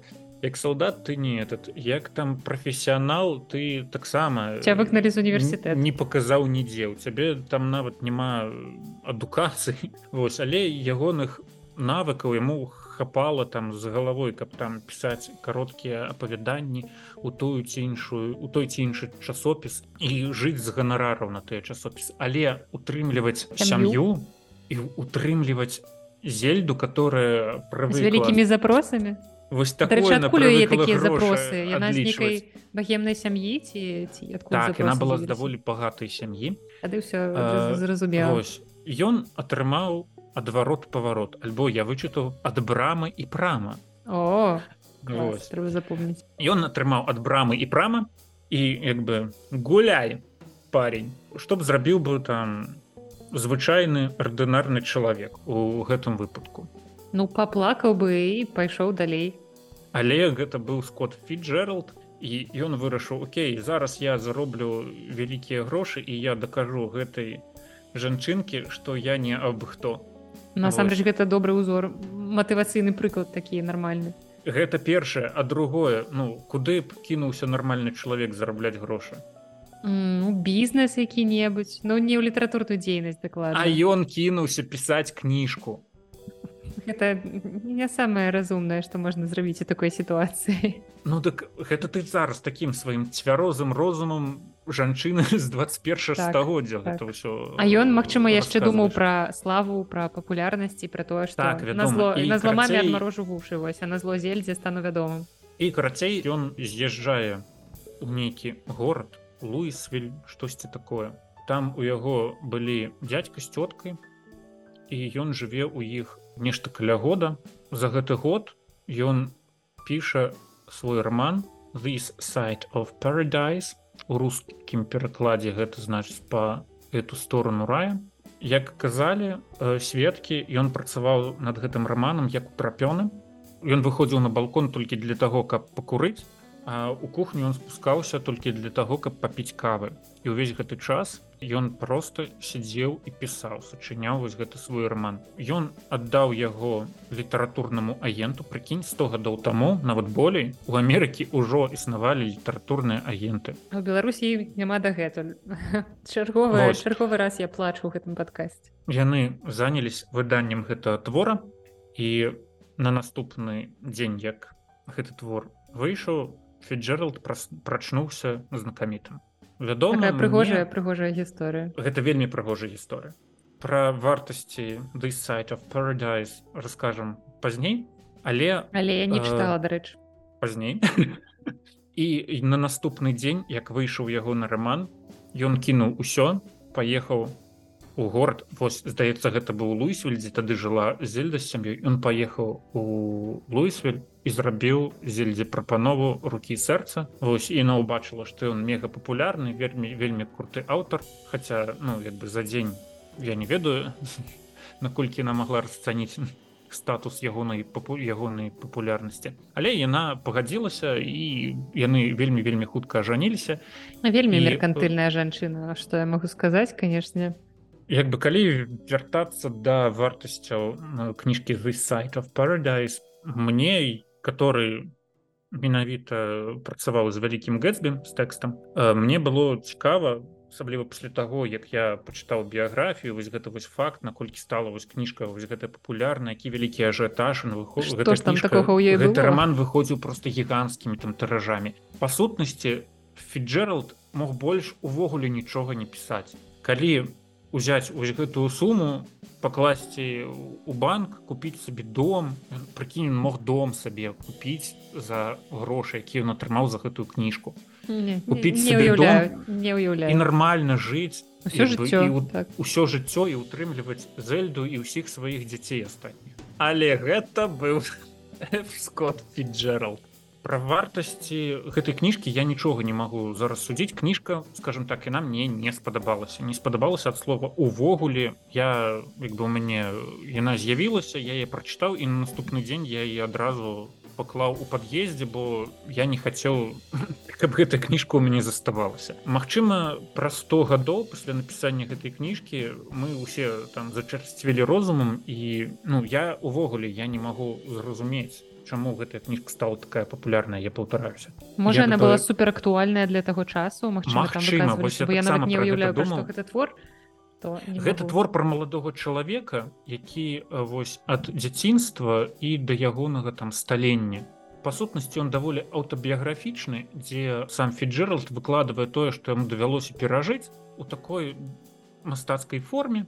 Я не памятаю нават як там герою так звалі. Галоўны герой ён праходзіць вот шлях там ад свай, ад свайго малалецтва і я не памятаю там калі ён выпускаўся з універсітэта І вось літаральна пра вось гэтыя там вядзецца таксама пра літаратурныя гурткі ва ўніверсітэце пра ягоныя там каханні ў дзяцінстве калі ён быў м, падлеткам падлётышам малым пра ўсе ягоныя зацікаўленасці калі ён там з'ехаў ад бацькоў і жыў там у пакоі. Дарэчы чаму я таксама гэта чытаў у гэтай кніжцы з'яўляецца герой якога завуць Томас парк Дэнвілье гэта сябр галоўнага героя яны з- дзялілі з ім там адзін пакой у інтэрнаце і Томас парк таксама хадзіў у гэты літаратурны гурток ён пісаў вершы.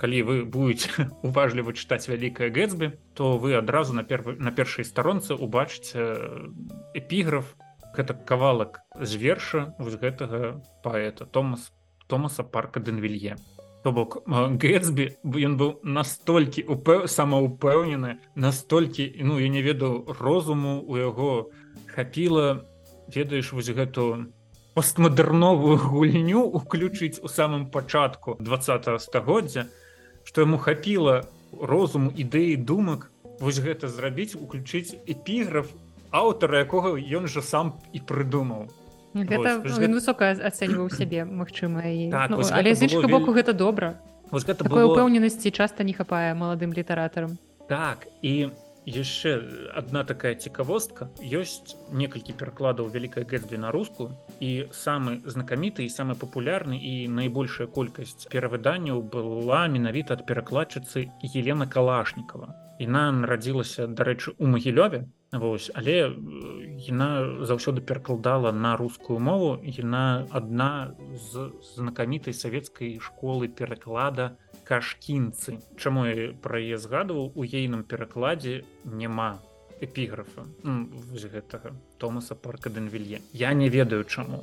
Магчыма яна не ведала хто гэта Вось гэта, гэта была моя таксама думка яны не маглі знайсці вось гэтага аўтара нідзе ў той час. Можа падумалі што гэта нейкая і памылка таму просто каб э, сябе каб не сурочыць каб я не ведаю каб не навесці на сябе якія-небудзь наступствы яны просто вырашылі самі перакладчыкі не згадваць Томаса парка Дэнвілье у гэтым творы. І крацей э, the site of paradise стала дэбютнай і вельмі вельмі папулярнай э, кніжкай Фрэнсіса Скотта.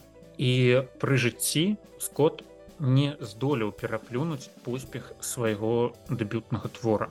Усё што ён напісаў а пасля ён не мог апярэдзіць ён не мог заробіць столькі грошай колькі ён заробіў на the site of paradise. Тут канешне трэба улічваць колькі разоў гэтая кніжка перавыдавалася якімі тыражамі на перавыдавалася. Даволі хутка Халівуд выкупіў правы на экранізацыю гэтай кніжкі. У тыя часы там я не веду двадцатыя годы выйш гады выйшла выйшаў фільм.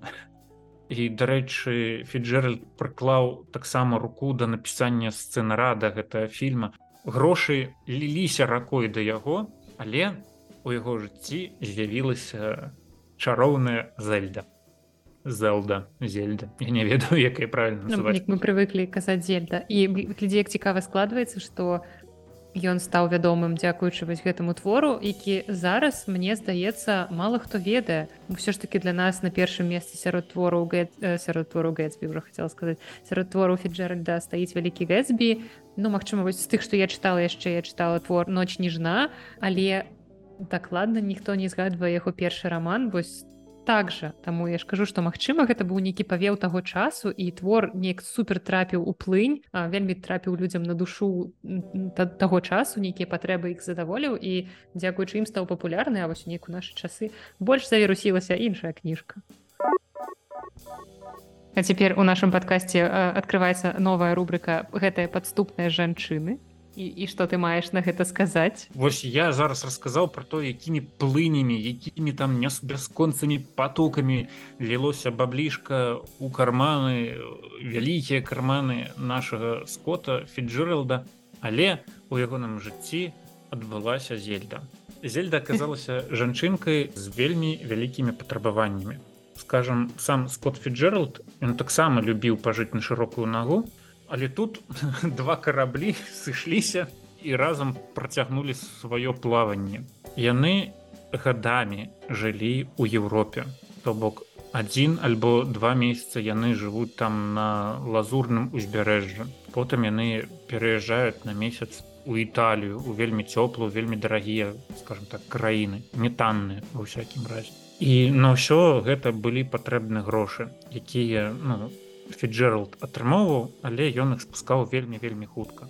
Іншы пісьменнік ён бы паклаў бы сабе гэтыя грошы на рахунак як я сказаў бы купіў бы сабе дом і працаваў бы далей. Не фіджералду патрэбныя былі ўражанні. Ад жыцця ён піў я не ведаю ад жыцця вялікімі глыткамі і ён ну хацеў напіцца жыццём.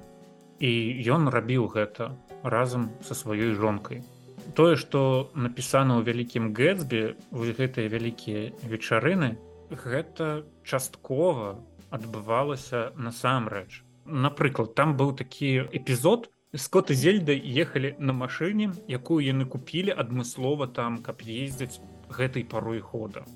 Ага, бок, комплект аўтамабіляў тыдзень ці пара ну, года. але ўсё залежало ад таго наколькі хутка яны расхерачвалі тыву ці іншую машыну. Вось гэта таксама можна вось гэтыя все перажыванні знайсці ў вялікім гэтбе пра гэтыя машыны там былі такія расповеды. І вось яны ехалі ў чарговай сваёй машыне і ўбачылі что там у суседнім доме у суседнім доме ладзіцца нейкая вечарынка. І яны такія падумалі о круто зараз давай-ка мы поедем купім касцюмы кігуруме купім кігурубе вялікіх там немаўлятаў і завалімся да іх на вечарыну ў касцюме вось гэтых вось немаўлятаў. І яны гэта ўсё робяць яны там прыкалісты капец. подкручваюць вось гэтыя не веду палотнішчы як бы робяць там сябе вялікіх немаўлятаў яны завальваюцца на гэтую вечарыну беспардонна п'яную зюзю. Робяцца зор зоркамі гэтай вечарыны але я у іх было вось гэтае вось перажыванне у іх у іх было вось гэта вось уражанне якое яны захавалі ў сабе. І ну паўтаруся вось гэтыя ўсе моманты імгненні іх можна вылавіць часткова у вялікім гэтбе. Што адбывалася потым з фіджералдам ну зараз гэта той ці іншы чалавек сказаў бы што ён пайшоў па наклоннай ён просто профукаў усё сваё усе свае грошы. У ягонай жонкі знайшлі пэўнае псіхічнае захворванне.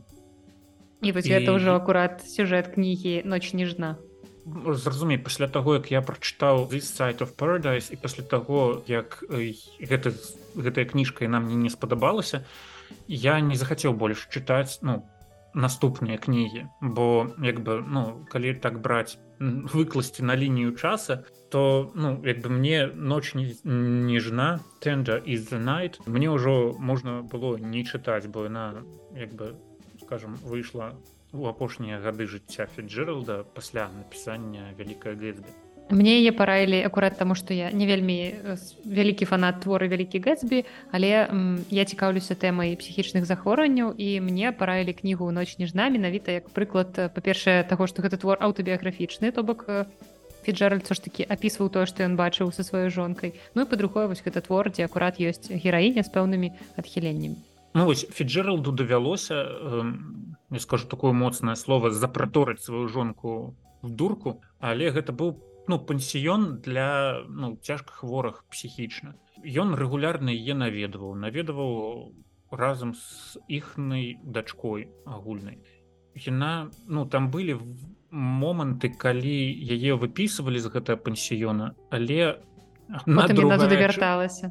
Але одна другая чарка даволі моцнага напою вяртала і заўсёды ў гэты пансіён. І як бы не было шкада ні яе ні яго але ўсё скончылася тым что яна так і памё не яна выпусцілася з гэта пансі выпусцілася з пансіёна. Родных дзівіц калі фіджералда не было ўжо на свеце і яна пражыла вельмі вельмі нешмат яна не змагла далей жыць з гэтым псіхічным захворваннем. Там таксама э, зельда была скажем так такая дзелка которая вельмі лёгка захаплялася рознымі справамі. Яна напрыклад вырашыла что яна будзе там спяваць. Яна там не ведаю год спявала. І так же лёгкая она перагарала я так я разумею. Лёгка захаплялася і лёгка надакучвала ей гэта. але ну разумееш вось тое што лёгка надакучвалася надакучвала гэта сказаць цяжка бо ну у ейнае захапленне трымаліся даволі доўга. Напрыклад яна захапілася балетам. Пардонце жанчыне там по 30 гадоў. Ну что гэта уже за эйджызм пачынаецца Ну да сапраўды я разумею што ўжо не той узрост каб пачынаць балет. А тут яна вырашыла я буду балерыны на працягу некалькіх гадоў яна займаецца балетам былі такія моманты которые опісываліся таксама у у біяграфіі фіджералда з вот этой серыі жыць замечательных людзей там пераклад нейкага амерыканскага аўтары который ведаў асабіста фіджералда я не памятаю хто аўтара і гэта было настолькі надакучлівай справай вось разумееш яны прыязджаюць на якую-небудзь вечарыну усім там ну усе бавяць вельмі прыемны час і тут зельда кажа а зараз я вам станцую гэта няёмкі момант гэта калі э, на бы і ёй сямейным дзед пачынае расказваць свае гісторыі. І ёй абсалютна кажуць украінцы байдужа.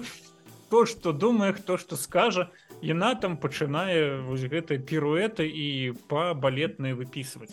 Просто і трошки айседора дункан Вось штосьці такое ёсць? Так як бы штосьці такое лёгкае памутненне у галаве у яе ўсё ж таки праслежвалася.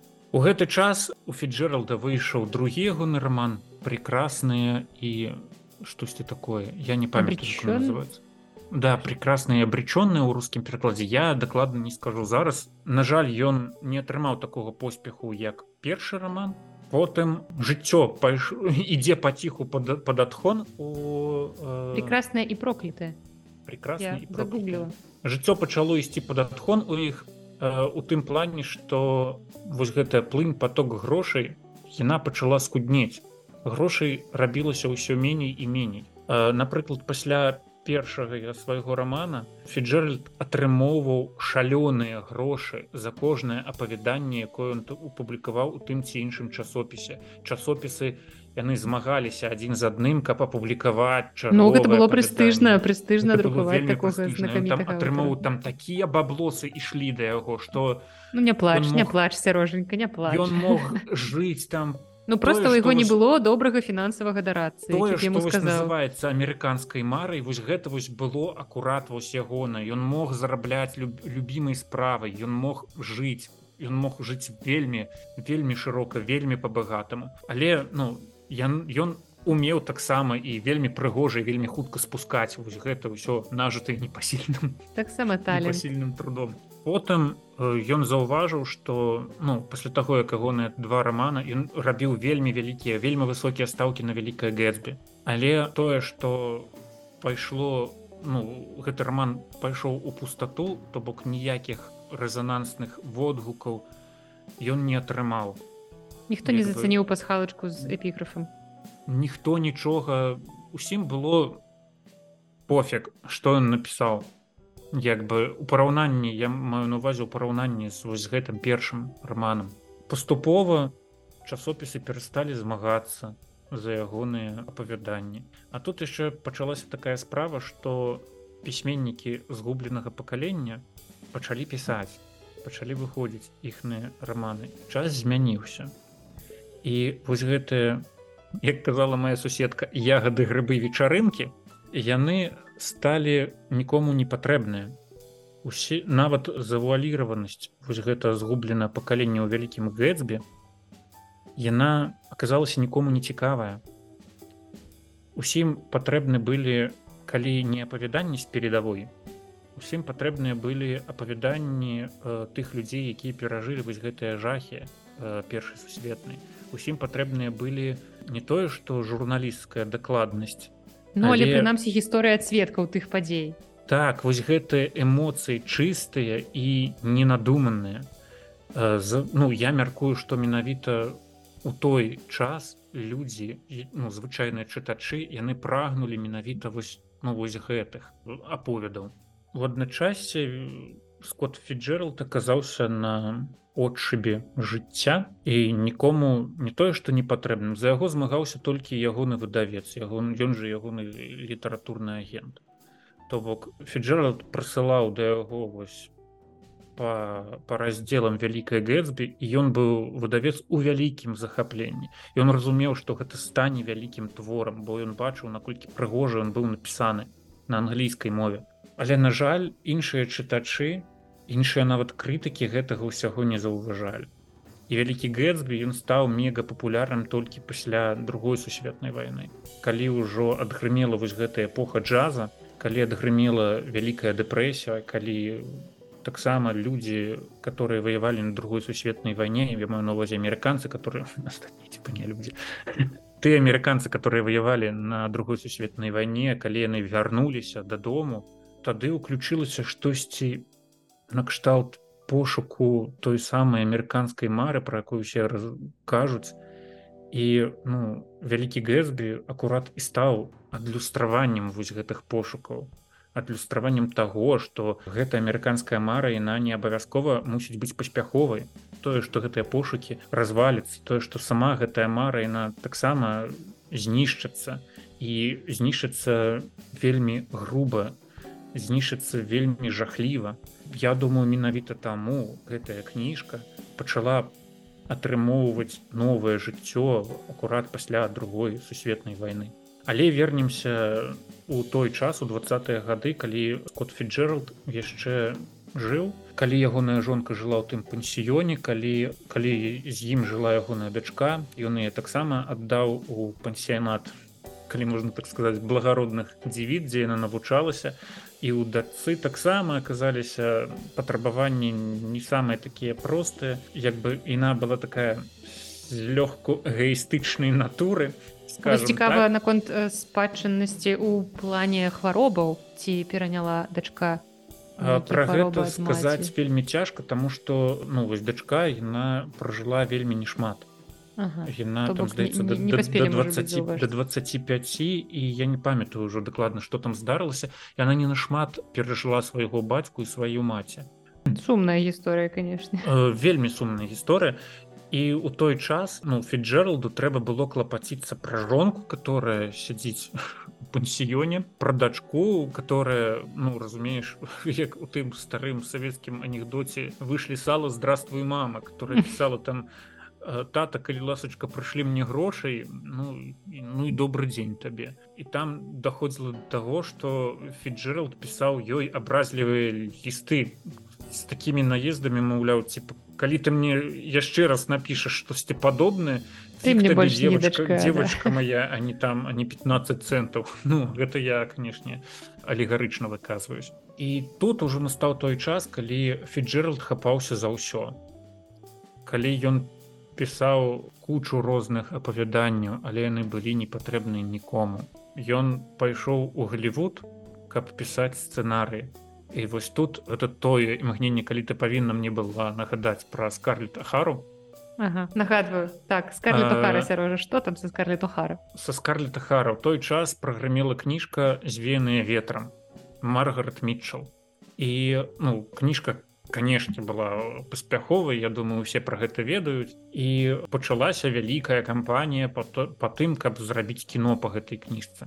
І адным з тых хто пісаў сцэнар да гэтай кні па гэтай кніжцы гэта быў фрэнсіс скотт фіджералд вось такі цікавы факт але ну і фільм стаў даволі вядомым гэта адзін з таких легендарных культавых амерыканскіх фільмаў мне падаецца так калі вы зараз э, будете пераглядаць гэта кіно то вы можете спакойна убачыць сярод сцэнарыстаў гэтага фільма фрэнсіса скотта.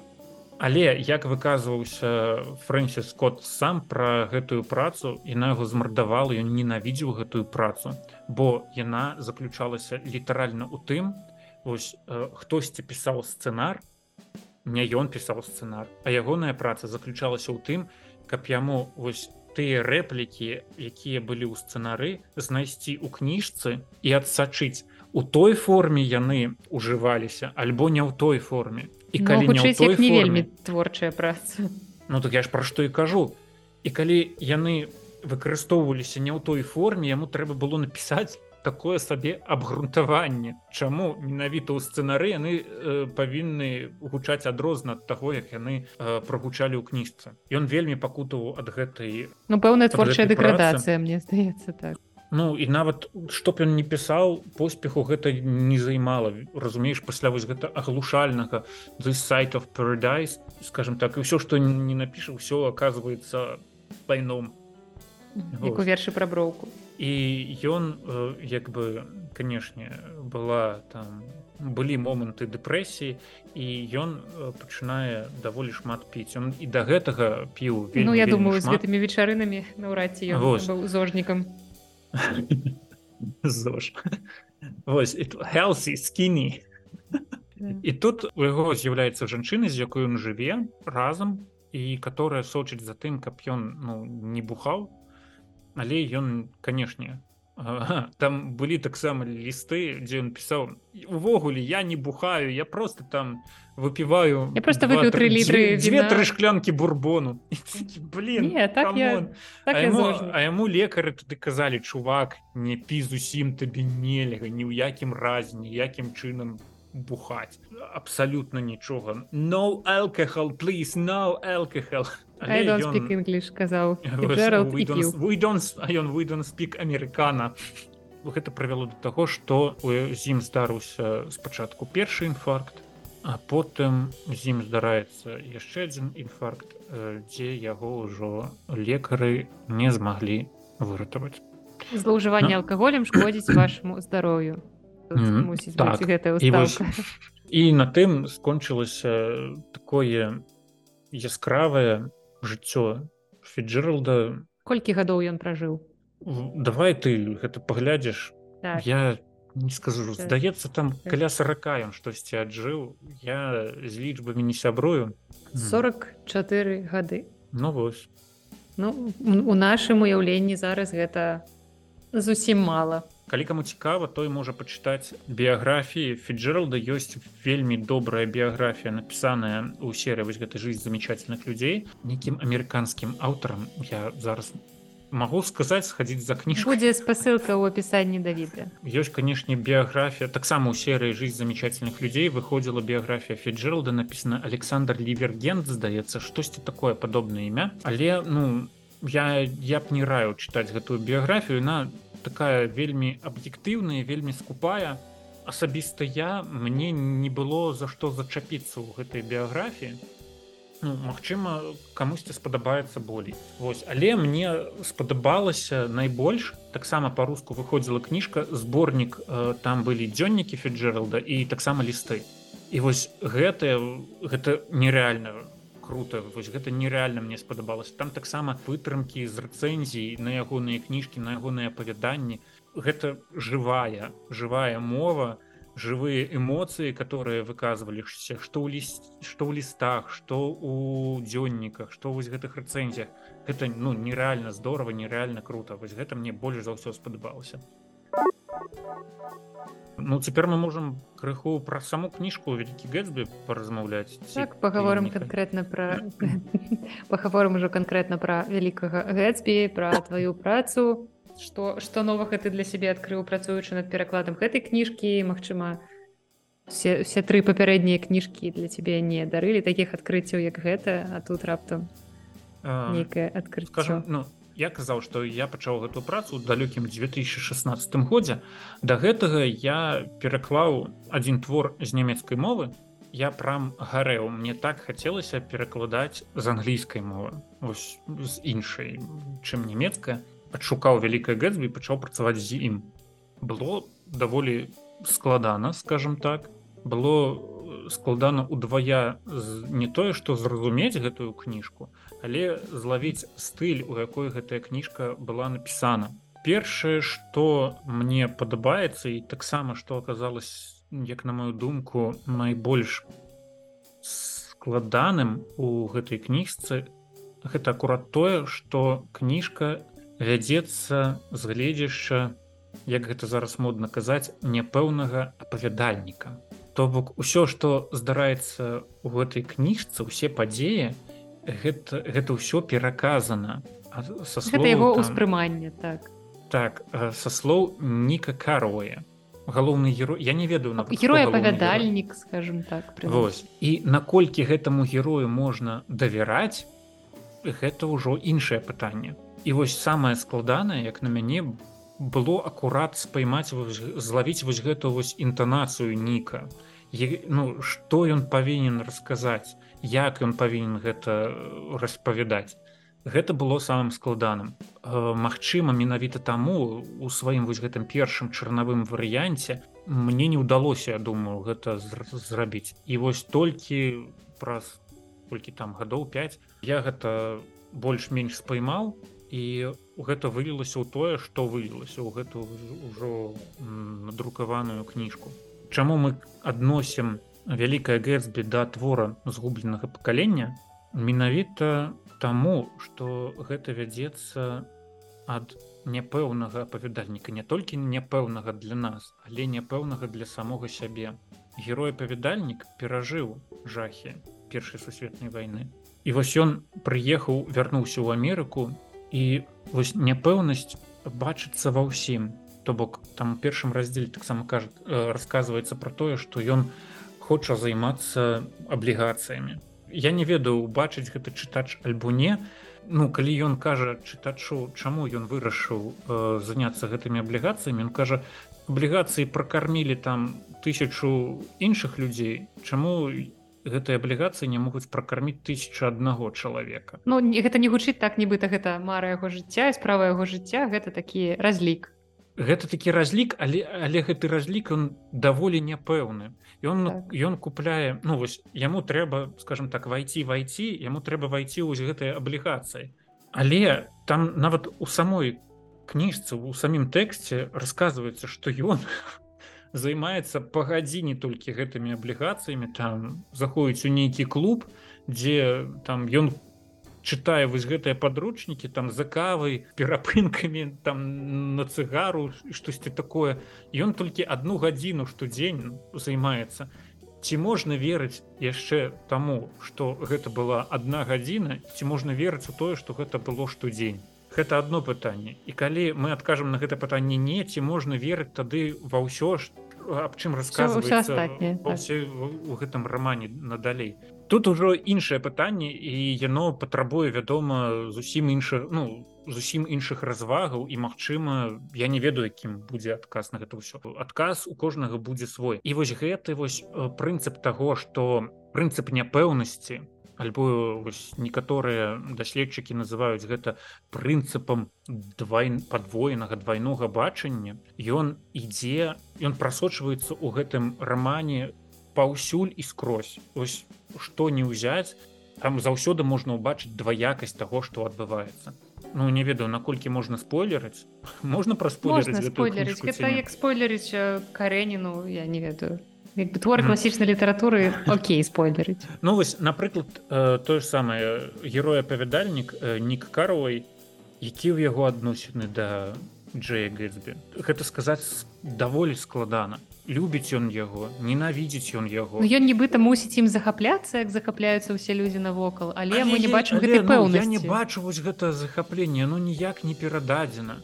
Так так даволі даволі роўна гэта ўсё калі нават ёсць вось гэтыя я не ведаю спробы захапіцца гэтым чалавекам ён адразу сябе абрывае адразу ж просто на месцы там нават вось у першым і толькі чалавек который э, даў назву гэтай кнізе там здолеў штосьці разварушыць ува мне. І ён адразу потым расказвае які ён быў ну скажем так нешматслоўны даволі такі непрыемны чалавек. Ён не называе гэта слов непрыемны але у гэтым апісанні сам нік мала чаго бача. Няма захаплення мала чаго бачыць захапляльнага так, мала нагодаў захапляцца у гэтай у гэтай асобе. Таксама возьми вось гэтую э, дэйзе Ну як бы вядома з каго спісаны вы здагадаліся з каго спісаны гэты персонаж? Як бы ну калі не цалкам то асноўныя рысы ну можна ўбачыць адкуль яны ўзяліся. Гэта адначасова ну разумееш і вось дзяўчына да якой не ведаю дзяўчына вось мара вось гэта амерыканская мара так? Да якой вось імкнецца галоўны герой заўсёды. І у ва што гэтая мара вылілася што гэта было насамрэч? Ну ну ну блин возьми там мужа дэйзі тома б'юкенана як бы ну гэта такі чалавек который як бы спартовец который там гэгэй который ну першае ўражанне стварае того что я таксама хочу быць падобным до такого чалавека. Ну вось прынамсі літаральна так ён ну калі не так то іншымі словамі кажа про яго ў рамане том б'юкой том нік вось там у першым раздзеле том б'юкенан займаецца ну я не мог просто э, сказаць гэта іначай том б'юкенан займаецца саморазвіццём. Ён вывучае навуку аб тым ён вывучае расавую расавую навуку аб тым што адна раса яна вышэйшая за іншую то бок ён вывучае фашызм. І вось ну як бы ён рэальна фашыст і для яго гэта саморазвіццё. Ну як бы кожны разумее саморазвіццё па-свойму. Для мяне гэта ну такі вельмі прикольна так. І таму вось гэта вось дваістасць яна заўсёды прысутнічаю у гэтай кніжцы. Тое дваістасць рэчаіснасці з тым з нашим уяўленнем з нашымі памкненнямі з нашымі вось гэтымі марамі. Яны заўсёды сутыкаюцца і ты колі не ведаеш што у гэтай кніжцы праўдзівая Магчыма гэта тое чаму усе ну не ўсе а шмат людзей любіць гэтую кніжку? За што яны любяць гэтую кніжку? Таму что кожны калі прачытае гэтую кніжку ён зразумець сваё так. убачыць сваё ён зразумее по-свойму больш за тое калі хтосьці перачытае гэтую кніжку ён зноў зразумее яе по-іншаму дакладзецца свой там жыццёвы досвед будешь размаўляць пра гэтую кніжку зусім іншымі словамі. Ну вось я чытала яе тры разы кожны раз гэта быў новы твор. Тут таксама для мяне своеасаблівая пастка.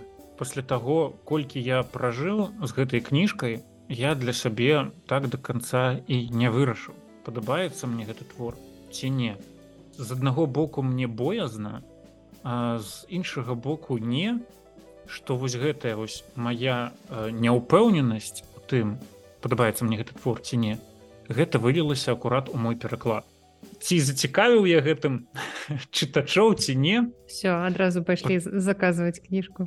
Патэнцыйных. Я сказаць не магу. У першую чаргу я для сябе ніяк не магу вызначыць падабаецца мне галоўны герой ці не падабаецца мне вялікі гэтсбі ці не Джей гэтсбі.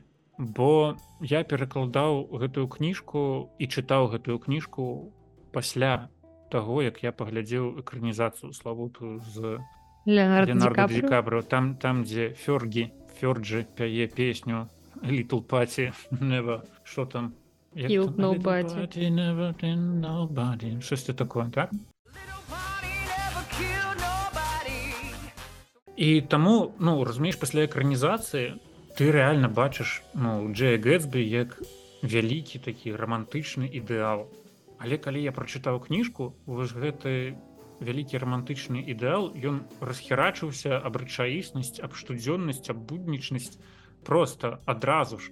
Ну таму што стваральнікаў фільму таксама быў свой свой погляд на гэтую кніжку і сваё бачанне Магчыма. Гэта такі твор шрёдзінгера я зразумела просто кожны бачыць у ім рознае. Але вось ну глядзе ну наколькі стваральнікі фільма мелі права інтэрпрэтаваць. Назовём ну яго менавіта вось так Мне якім... здаецца што творчая вольнасць яны мелі права на што заўгодна. Гэта іх версія. Яны не не сведчыць што гэта адзіная магчымая менавіта так і ніяк інакш вы бачыце гэтага твора. І мне здаецца так з любой экранізацыяй ты можаш уяўляць сабе персонажаў увогуле іншымі людзьмі асабліва калі там не ведаю аўтар не апісваў іх знешнасць і ты уяўляў сабе у двухметровага бландзіна які насамрэч аказаўся каратканожкам з чорнымі валасамі у фільме. Так, так але ну але, так, але пазбаўляць гэтую кніжку галоўнага для мяне галоўную гэтай кніжцы гэта вось гэта няўпэўненасць пачуццё няўпэўненасці тотальнай няўпэўненасці. Ну а значит для стваральнікаў фільма ўсё было цалкам гэта няўпэўненасці насягае паўсюль у кожнага героя сядзіць вось гэтая няўпэўненасць. На маю думку няўпэўненасць гэта тое што робіць кніжку вялікі гэтсбі кніжкай вялікі гэтсбі і калі укранізацыі ну пазбаў ну так там трошки я не ведаю патулькались па звуголлях трошки так па, па, як, пасмушчаліся такім ну, мне даецца ну, падаецца что там даволі адназначна як бы бачыцца гэтсбі сапраўды такой ну даволі прыемнай романтычнай асобай у цябе что у цябе ну мы не кажам про тое ж ну што і як паказваецца ў гэтым фільме справа ў тым якое адчуванне ў цябе застаецца пасля. Тое адчуванне якое маў пасля кніжкі пасля прачытання пасля перакладу пасля вось гэтага бясконцага яно зусім іншае што было пасля фільма ну, вось, гэта два асобныя творы якія ну, мне было цікава глядзець гэты фільм ужо пасля чытання кніжкі менавіта з пункту гледжання таго як яны перастварылі гэтую эпоху і перастварылі атмасферу і яна была нечакана сучаснай. Такой ну гэта вельмі такі яркі фільм яны мне здаецца зрабілі такі фільм куцёж гэта mm -hmm. канешне прасочваецца ў кнізе але кніга не такая яркая за лішняй яркасці яны дадалі ў экранізацыю хаця экранізацыя мне ў прынцыпе даволі зайшла Ну так я ну я сам таксама люблю розныя такія інтэрпрэтацыі але магчыма я шмат часу правёў з гэтай кніжкай і мне даволі неаб'ектыўны успрыняць так. Як бы ну просто акурат нядаўна тыдзень таму я зайшоў у букіністыку і убачыў вялікае гэсбі ў перакладзе калашнікавай вышэй згаданы. Я такі адкрыў думаю дай пачытаю і я не мог чытаць яе таму што ў мяне вельмі шмат трыгераў я яшчэ даволі недалёка ад тэкста ад тэксту. І я не магу яго чытаць таму што я адразу бачыў бачу ў гэтым тэксце як гэта зрабіў я. І там такі блин блин не тут не так тут не так і таму я хуценька паставіў гэтую кніжку на место Ну і можа давай Вось. паговорым пра працу тваю над перакладам што для цябе было складаным? Што было наадварот магчыма простым? Самым складаным было на той момант не скаціцца у сучаснасць бо мне вельмі хацелася зрабіць пераклад і тэкст сучасным. Як бы там як экранізацыя. вы... Магчыма. Там напрыклад некалькі разоў згадывалася надземная чыгунка. І у мяне у пэўны момант я гэта называў надземка бо у арыгінале там гэта адным словам я не памятаю кім перадаецца і вось гэта адмыслова там амерыканская вось гэта надземка которая вось ёсць толькі ў Амерыцы ўсё і мне гэта вельмі хацелася назваць надземкай але ну я сябе потым абсёк называў гэта надземная чыгунка Вось бо гэта ну даволі гутарковы і даволі па-сучаснаму ўсё ж таки надземка як. І таксама было некалькі імгненняў калі мне хацелася ўсё ж таки э, нейкую цяпершчыну уключыць але за я зараз пра іх не не ўспомню і і зараз я іх на жаль вам не не агучу. Але тое што мне запомнілось тое што я атрымаў у галаве гэта думка э, каб не скаціцца у у цяпершчыну у сучаснасць каб гэта не гучала бо гэта ўсё ж таки твор напісаны прыкінь амаль 100 гадоў гадоў таму так. амаль 100 гадоў таму і толькі для мяне гэта вось просто акурат нядаўна дайшло что як бы камон гэтсбі напісаны 100 гадоў таму я по-беларуску з'явіўся толькі цяпер зноў чарговая хвілінка на пасумаваць у нашым падкасці Ну гэта але добра што з'явіўся мы добра што з'явіўся на пазітыўнай ноце заканчваюць такія думкі а стывен кіных з'явіцца раней чым праз 100 гадоў бе-бе-бе. Хочется ну паглядзім паглядзім паглядзім гэта ўжо залежыць ад цябе ну так, так, так. вось что что яшчэ з такого складана? Складанага было ўсё ж таки для мяне тое что гэта быў пераклад з англійскай мовы. Бо як на мяне англійскую мову тэкст напісаны на англійскай мове яго у пераказе на іншай мове гэты тэкст трэба дапісваць. То бок табе заўсёды ну як бы сказ it's about you яго можна прачытаць у залежнасці ад кантэксту яго можна прачытаць як заўгодна у гэтым сказе тысячу сэнсаў закладзена. Все залежыць ад кантэксту. І табе заўсёды трэба сядзець у гэтым кантэксце каб не дай Боже не дай вожа каб гэты сказ перакласці адпаведна адпаведна вось гэтай эмацыйнай ацэнкі якая была закладзена аўтарам у гэтай кніжцы. І вось гэта было для мяне даволі складаным. Тое тое што я перакладаў з нямецкай мовы ўсё ж таки нямецкая мова і гэта больш дакладная мне падаецца кантынентальная мова это там не англійская которая там на сваім востраве варылася гэтай там не на тым баку зямнога шара амерыканская англійская все ж таки на бліжэйшая нямецкая мова да нас. То бок там будуць табе разжоўваць вось гэтыя ўсе сказваюць гэтыя ўсе пачуцці. Там не будуць ленавацца табе казаць аб гэтым лішнімі словамі тут была вось такая вось складанасць. Але мне вельмі спадабалася ў рэшце рэшт праца з англійскай мовы і спадзяюся што гэта вось гэты мой першы пераклад мне кажуцца апошнім перакладам з англійскай мовы галоўна каб тебе самога не адбілася жаданне. Пусть пасля гэтспі ты гатовы перакладаць далей яшчэ і з англійскай мовы? Так так так. Гэта ну гэта, ну разумееш гэта выклік. Я люблю такія выклікі і гэта здорово вельмі здорово что потым выклад ты выкладаеш все гэта на сваёй мове і табе ну трэба знайсці вось гэтыя сувязі словаў эмоцый сэнсаў которые закладзены з тым ну у арыгінале з тым як гэта будзе адлюстравана у тваім тэксце складанасці яны ў асноўным былі такія і вышэй згаданая вось гэта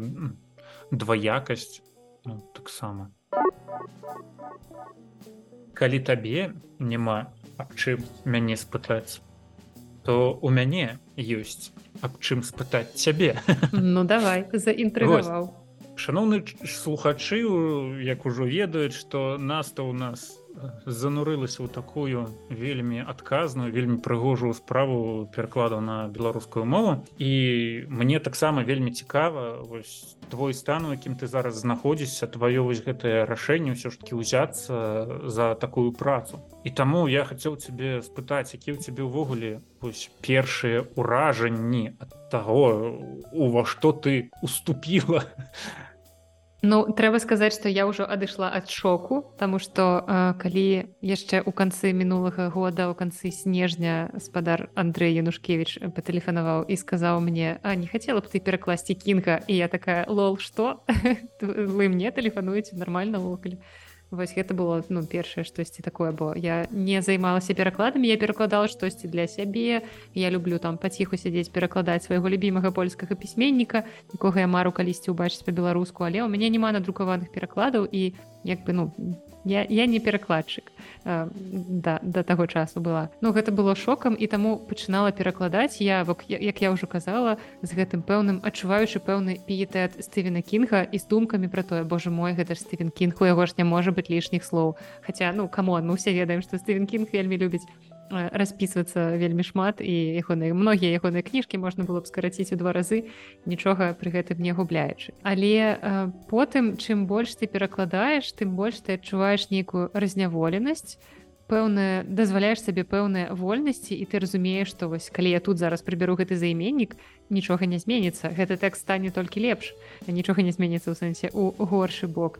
І таму зараз ужо прасцей бо спачатку канешне ж калі вяртацца да першых самых частак гэта за першых глаў кнігі і ты бачыш там вось гэты свой абсалютна літаральны пераклад а потым ты разумееш што ты ўжо троху вальней ставішся да тэкст троху вальней з ім абыходзішся. І таксама у цікава як нейкія рэчы ты пераклаў пэўным чынам а потым далей па тэксце ты атрымліваеш нейкія новыя звесткі і такі бліна там трэба было перакласці так і ты вяртайся туды і думаеш а што ж зноў зрабіць гэтай часткай каб яна гучала лепш? Бо у цябе з'явіліся нейкія ўжо новыя уводныя даныя. І гэта таксама цікава. І плюс цікава нейкія знаходкі. Кожны раз радуюся як дзіцёнак знаходзячы нешта на што доўга не мог перакласці а потым яно як вось усплыла ў тваёй галаве не ведаю вось як сярожа расказваў калісьці падкасці пра мозара як табе ў галаву прыйшоў э, Макс Орш калі ты ўбачыў просто ў горадзе ўбачыў афішу Макса каржа канцэрта. І вось так недзе ідучы там па вуліцы у мяне ў галаве ўсплывае думка бліна А вось гэтае слово можна было ўставіць ці калі ты чытаеш зараз і іншыя творы беларускіх аўтараў я спрабую запамінаць усе гэтыя выпісваць нейкія ўстойлівыя выразы просто прыгожыя фразы. І сярож зараз так усміхаецца Мачыма ён пазнае ў гэтым сябе самога ў пачатку пачатку ўсяго гэтага шляху. Але пакуль што для мяне гэта нешта такое супер цікавае мне цікава назіраецца тым як адбываецца вось гэтая пісьменніцкая перакладчыцкая дакладней. Ну і пісьменніцкая пэўным чынам ты ж таксама ствараеш па сутнасці новы тэкст. Вось гэта ну, эвалюцыя так, так, так. ну наконт вось гэтых кніжак і як ты сказала выпісыванне запамінання крутых выразаў і слоўцоў ну як бы я ведаю шмат іншых перакладчыкаў которые ну ганьбяць такі спосаб Ну але ну я ўсё ж таки прытрымліваюся таго что на якім-небудзь этапе асабліва там першы этап перакладу калі ты гэтым пачынаеш займацца ну гэта мусіць быць. Зараз я трошки ну як бы трошки іншага меркавання. Для мяне ўсё ж таки лепей ведаць я не ведаю стылістыку агульную як пісалі напрыклад беларускія класікі той же сам ну зараз я зараз я тут адкрыю вялікую таямніцу найбольшая напрыклад калі перакладаў крабата найбольшая найбольшы уплыў на тэкст крабата казаў якуб колас на ростанях хто б мог падумаць мог да. падумаць але вось ну я, я не ведаю калі мне будзе цікава калі хто будзе там гэты тэкст глядзець ці убачыць он там што-нибудь якубу колусаўская і для мяне вось гэта не ведаю магчыма Магчыма гэта нельга так рабіць але мне гэта вось у тым прамежку жыцця мне неяк дапамагло знайсці як гэта павінна быць. У мяне пытанне да цябе вось іншае. Як адчуванне таго што ты перакладаеш любімага аўтара Божа гэта ўвогуле ні з чым не параўналь бо просто я мабыць дагэтуль не асэнсоўваю. Ён здаецца... застаецца для цябе любімым пасля таго як ты пачынаеш яго я не ведаю расчленяць і там ён кавалачкам рэчы тым што вось у любові да кінга ёсць такі складаны шлях бо многія людзі чытаюць стывена кінга ўпершыню ў рускіх перакладах у гэтых жахлівых старых перакладах і думаюць што стывен кінг гэта некая такая папсяціна і абсалютна э, літаратура нізкай якасці Так вось что вам хочу сказаць абкакалі рускі ну, рэч, вось рэч у тым что я вам хочу сказаць что гэта не стывен кінг дрэнны пісьменнік это рускія перакладчыкі стывена кінга ну, не дрэнныя людзі але ну прынамсі перакладчыкі яны так сабе бо зараз я звяртаюся да розных перакладаў звяртаюся да рускага некалькіх рускіх перакладаў польскага і украінскага і я бачу як гэтыя тэксты як гэта роман зяння зроблены на розных мовах.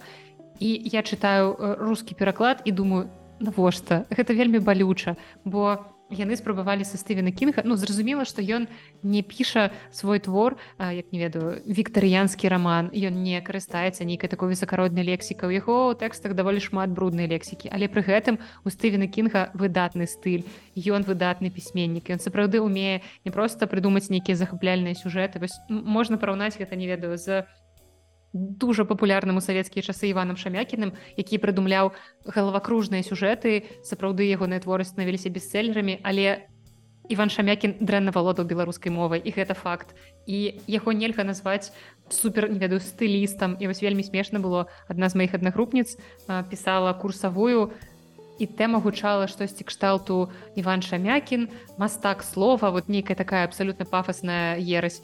І адна з выкладчыц пасмяялася тыпу сур'ёзна вы разглядаеце Івана шамякіна як выдатнага там стыліста і і мовазнаўцу? Не. Але вось стывен кінг гэта акурат той выпадак калі чалавек умее пісаць і умее прыдумваць сюжэты. Я яго пасля таго як я чытала яго па-руску калісьці ў дзяцінстве потым неяк пачала пераходзіць да польскіх перакладаў і польскія пераклады гучалі ўжо нашмат лепей. І потым нарэшце я змагла чытаць стывена кінга ў арыгінале і раз ён мне спадабаўся ў рускіх перакладах вы можете ўявіць сабе наколькі ён спадабаўся мне яшчэ больш калі я пачала чытаць яго ў арыгінале і зразумела наколькі якасна піша гэты аўтар. І мне вось падавалася калі я пачынала э, перакладаць зянне што ну гэта будзе не асабліва складана але гэта складана гэта чорт возьми складана. І я жыву з гэтым словам якое просто чырвонымі літарамі у мяне вось тут на юбене дзе напісана таксама адлюстраванні гэтае слово рэдрам я, я не магу э, гэта ўжо ўжо даволі ну так унутры мяне сядзіць таму э, магу сказаць что у Стывен Кінг ўсё яшчэ адзін з моихх любімых аўтараў, нягледзячы ні на што і мне здаецца, што ў канцы перакладу яно застанецца такім жа. Мне падаецца, што ў мяне яшчэ больш павагі і любові да гэтага аўтара ўзнікае з кожным перакладзеным радком, бо я бачу, наколькі моцна ён умее пісаць. І дарэчы, вось Стывен Кінг, адзін з нямногіх літаратараў якія э, вельмі класна пішуць я ўжо не раз гэта гаварыла ў сваім падкасці вельмі круто ствараюць жаночыя вобразы вось у яго жаночыя вобразы атрымліваюцца так нібыта гэта пісала сама жанчына якая добра ведае і ну мне здаецца тут шмат у чым паўплывала яго жонка якая і чытае яго творы неяк яму дапамагае і вось ягоныя адносіны да жонкі з жонкай з дачкой Мачыма гэта все ўплывае на тое што стывен кінг апісвае жанчын як бы апісала іх жанчына. Вось і тут таксама ёсць гераіня жанчына і ён вельмі класна апісвае думкі вось гэтай стомленай стомленай жанчыны якая думае блин хоць бы чаго яшчэ не нарабіў мой гэты муж алкаш ну прыкладна неяк так, так што... Стывен кінг гэта ўсё яшчэ любоў. І э, Мне здаецца што гэта будзе пік маёй кар'еры і можна сыходзіць перакладу просто на піку. Я перакладу стывена кінга і это будзе мой адзіны пераклад. Вельмі здорово что ты такое я ўжо бачу что я кайфую я вялікай любві і так. таму ну гэта будзе цікава паглядзець што што ў рэшце рэшта трымаецца. І тут Твой мне хочется стыль... твой стыль жыцця увогуле памяняўся пасля таго як ты пачала працаваць з тэкстам конечно ж я там вызначаю сабе я ведаю што у меня есть пэўны час там я прыгатую сняданак і пасля гэтага у мяне ёсць час каб папрацаваць колькі зараз я знаходжуся не дома знаходжуся у іншым доме у іншай краіне у мяне ёсць час там вечарам працаваць я выдзяляю сабе там пэўныя гадзіны але я ведаю што калі я не хачу пісаць перакладаць ну бывае такое. Я не буду себе прымушаць лепш я папрацую там не ведаю наступны дзень у два разы больш але ну каб гэта не адбывалася гвалтам і мне хацелася яшчэ расказаць гісторыю цудоўную гісторыю пра рускія пераклады стывена кінга ёсць такі цудоўны перакладчык які часцей за ўсё перакладае стывена кінга якога завуць як завуць дарэчы не памятаю я ведаю што яго прозвішча вебер А як завуць я не ведаю дарэчы зараз пагляжу владимир здаецца ну карацей я думаю что вы много многія з твораў стывена кінга чыталі менавіта ў яго перакладах І вось аднойчы у зборніку начиная смена здарылася такая рэч, калі ты чытаеш гэты твор у рускім перакладзе і сутыкаешся там з такім эпізодам, у якім герой глядзіць на сцяну над камінам, а на сцяне вясіць чучала мышы.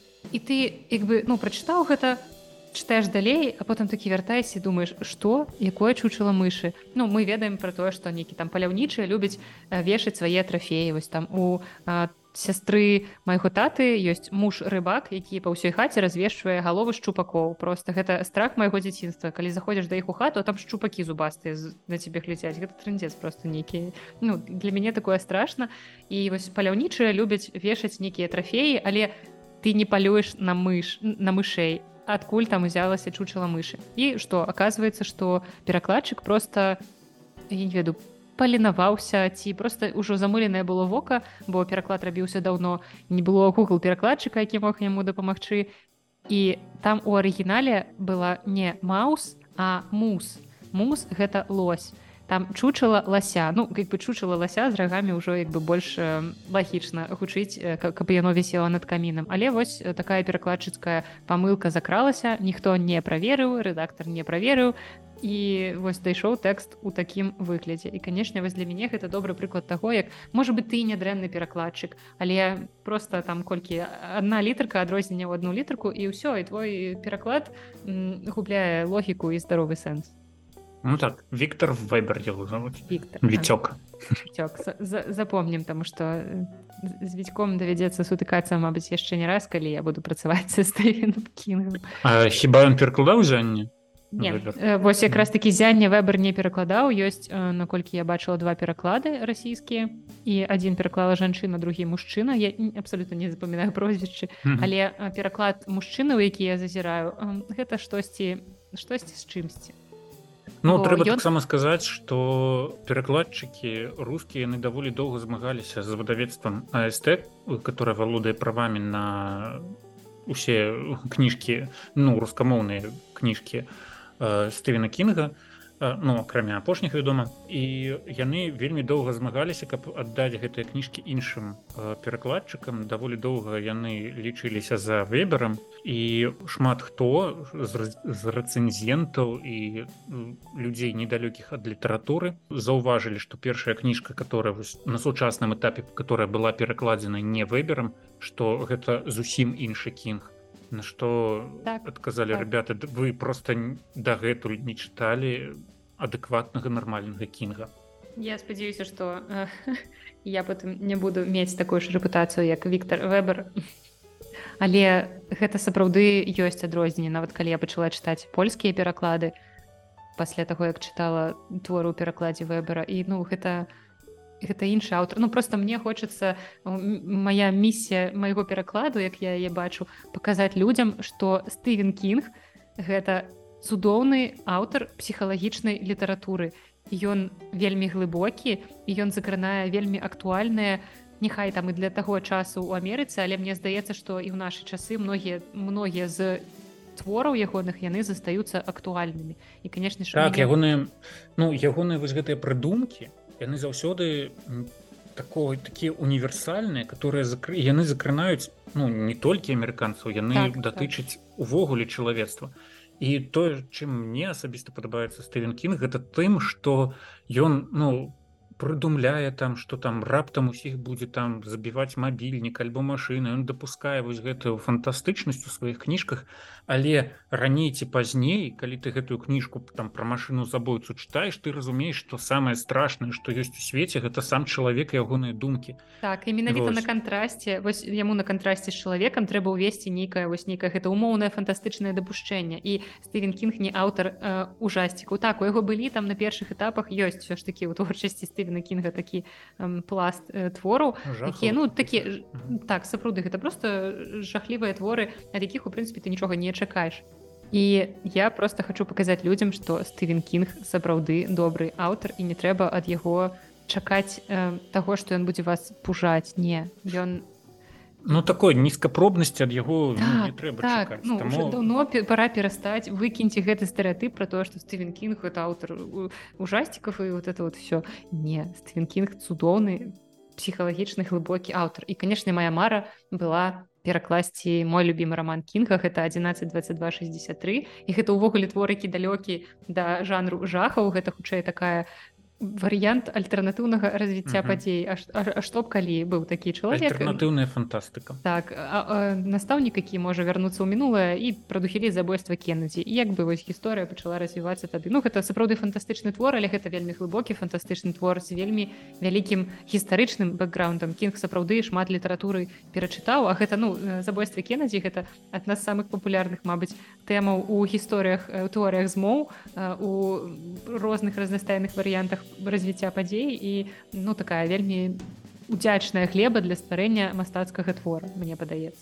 Ну праслухаўшы цябе цяперка я ў чарговы раз запэўніваюся что Стывен кінг трапіў у добрыя руки так самае лепшае што магло здарыцца з беларускім стывеном кінгам яно акурат і здараецца. Ну я спадзяюся я спадзяюся канешне што мае мае майфедаў хопіць і ўсё будзе добра але пакуль што магу сказаць што праца ідзе добра. Я я ў захапленні ад таго што гэта адбываецца і ну, Мачыма там праз нейкі час гэты э, чароўны флёр спадзе і я ўжо буду глядзець на гэта як на такую механічную працу якую трэба выканаць але ўсё роўна у мяне застанецца ўнутры гэта такі э, параменчык святла які будзе дапамагаць мне перакладаць іх рабіць гэта з любоўю. Вось так пафасна і романтычна. Зялёнага. Канешне Ну канешне ну як на мяне то перакладаць сучасных аўтараў ну даволі асабліва таких папулярных як вось напрыклад Джоан роулинг Анджей сапковскі Ну гэта даволі вялікая адказнасць бо але разам з тым гэта лягчэй мне падаецца чым перакладаць э, творы стогадовай даўніны бо ўсё ж таки ты больш разняволены ў выбары лексікі Хотя, ну... я, я просто я просто у мяне такія флешбеки.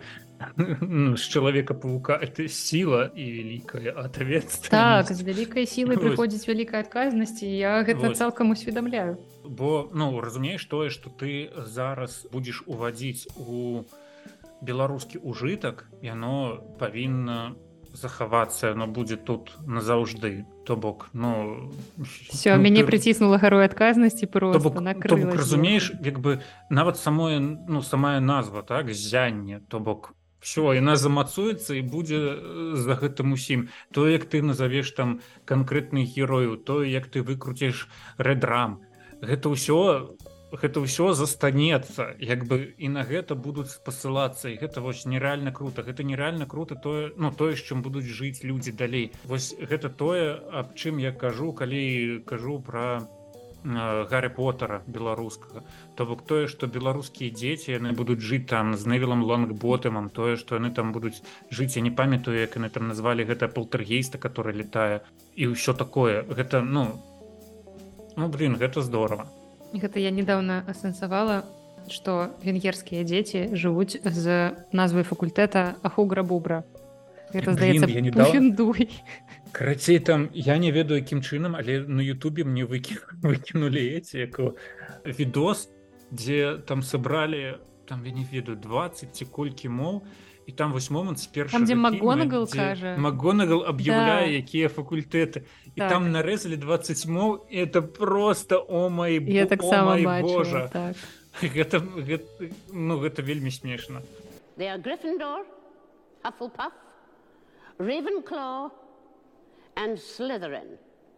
a Griffendélbe, a Hugrabukba, a Hollóhátba és a Mardekárba. Jmenují se Nebelvír, Mrzimor, Havraspár а зміёзел Ну вось я вырашыла даведацца як гэта па-венгерскую мовы. А хугра бубра цяпер просто моя тотэмная жывёлка што б гэта не значыла Ну я лічу што гэта ўвогуле клёва тое што бы гэта разбівае крышку мазгі тое што ну дзеці яны могуць жыць там у некалькіх варыянт ну, варыяцыях. так? Тое ж самае што ну разумееш э, рускія пераклады гары потара то а спевак яны вельмі ганьбяць. Я такі сяжу і думаю чаго чаго вы ганьбіце? У вас есть два пераклады афіцыйныя гары так, не выпендрывайцеся каля блин камон нам бы адзін там до конца дабаньбіць можа будзем пераходзіць да нашай заключнай часткі подкаста і я ведаю што у тебе ёсць яшчэ штосьці што ты хацеў сказаць А яшчэ вось мяне непакоіла тое што вялікая гэтсбе называлі кніжкай эпохі джаза Дарэчы, сённяшні выпуск якраз выходзіць у міжнародны дзень джазу. Мы прымеркавалі да гэтай даты наш падкаст і зараз сярожа раскажу вам нейкі станцуе джаз джаз. Ну, ага, сегодня ты играешь джаз, а завтра ведаеш што родзіну вон вот это вот все. Ну і чаму тебе непакоіла гэтае дачыненне да ну, эпохі джазу? мяне непакоіла вось гэта апісанне тое што гэтая кніжка там належыць да эпохі джазу тое што я тое што гэта джазу ніяк не мог прасачыць. Не ведаю як ты вось калі прачытала мой пераклад я не ведаю як ты убачыла там гэты джаз ці не ўбачыла Мачыма гэта моя каб я была вялікім фанатам джазу але не. Ну і гэта не тое пра што ты думаешь чытаючы гэтую кнігу і не тое пра што ты думаешь калі ты заканчваеш яе чытаць. Гэта першае але другое нават у гэтых вось раздзелах там дзе вось ну я просто не ведаю да чаго можна вось прычапіць вось гэтую эпоху джаза. Але мне думаецца что адразу дум ну людзі думаюць пра вы гэтай вось вечарынкі. Я ну, на жаль даволі шмат пісання ў вечарынак. За ўсім тым что там на тых вечарынках адбываецца я на жаль я не бачу джазу. Ну вось просто ну а ніяк тое что там яны калісяць по нью-йорку і назад там таксама ну як на мяне джазу няма. У пэўны момант я просто нават перапалохаўся думаў блин Мачыма я зусім з тобой не так. Ну бо як бы ну так там ёсць там дзве здаецца песні э, султан з усходу я і іншая і іншая песня. Як бы блин як бы ну ок добра. Я дарэчы іх знайшоў яны ёсць. Насамрэч гэтыя песні існавалі. Я іх знашу у Ютубе. Ну на цяперашняе вуха ну такое сабе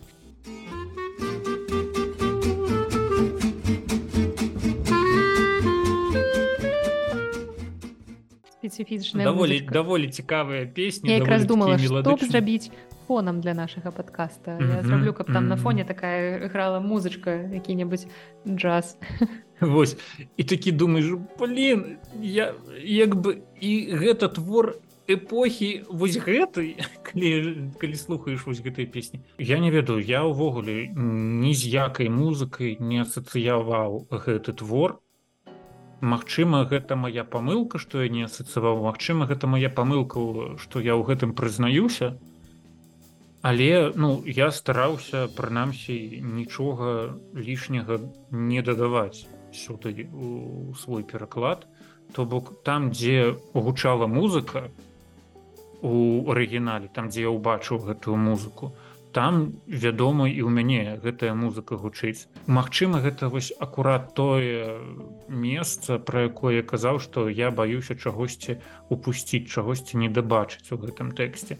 Я ну, не я ведаю была джаза. сапсаваная я была сапсаваная экранізацыяй калі чытала твой пераклад тому что дагэтуль я чытала два разы кнігу потым паглядзела экранізацыю і вось чытала кнігу трэці раз і у мяне ўжо ў галаве гучала музыка з экранізацыі.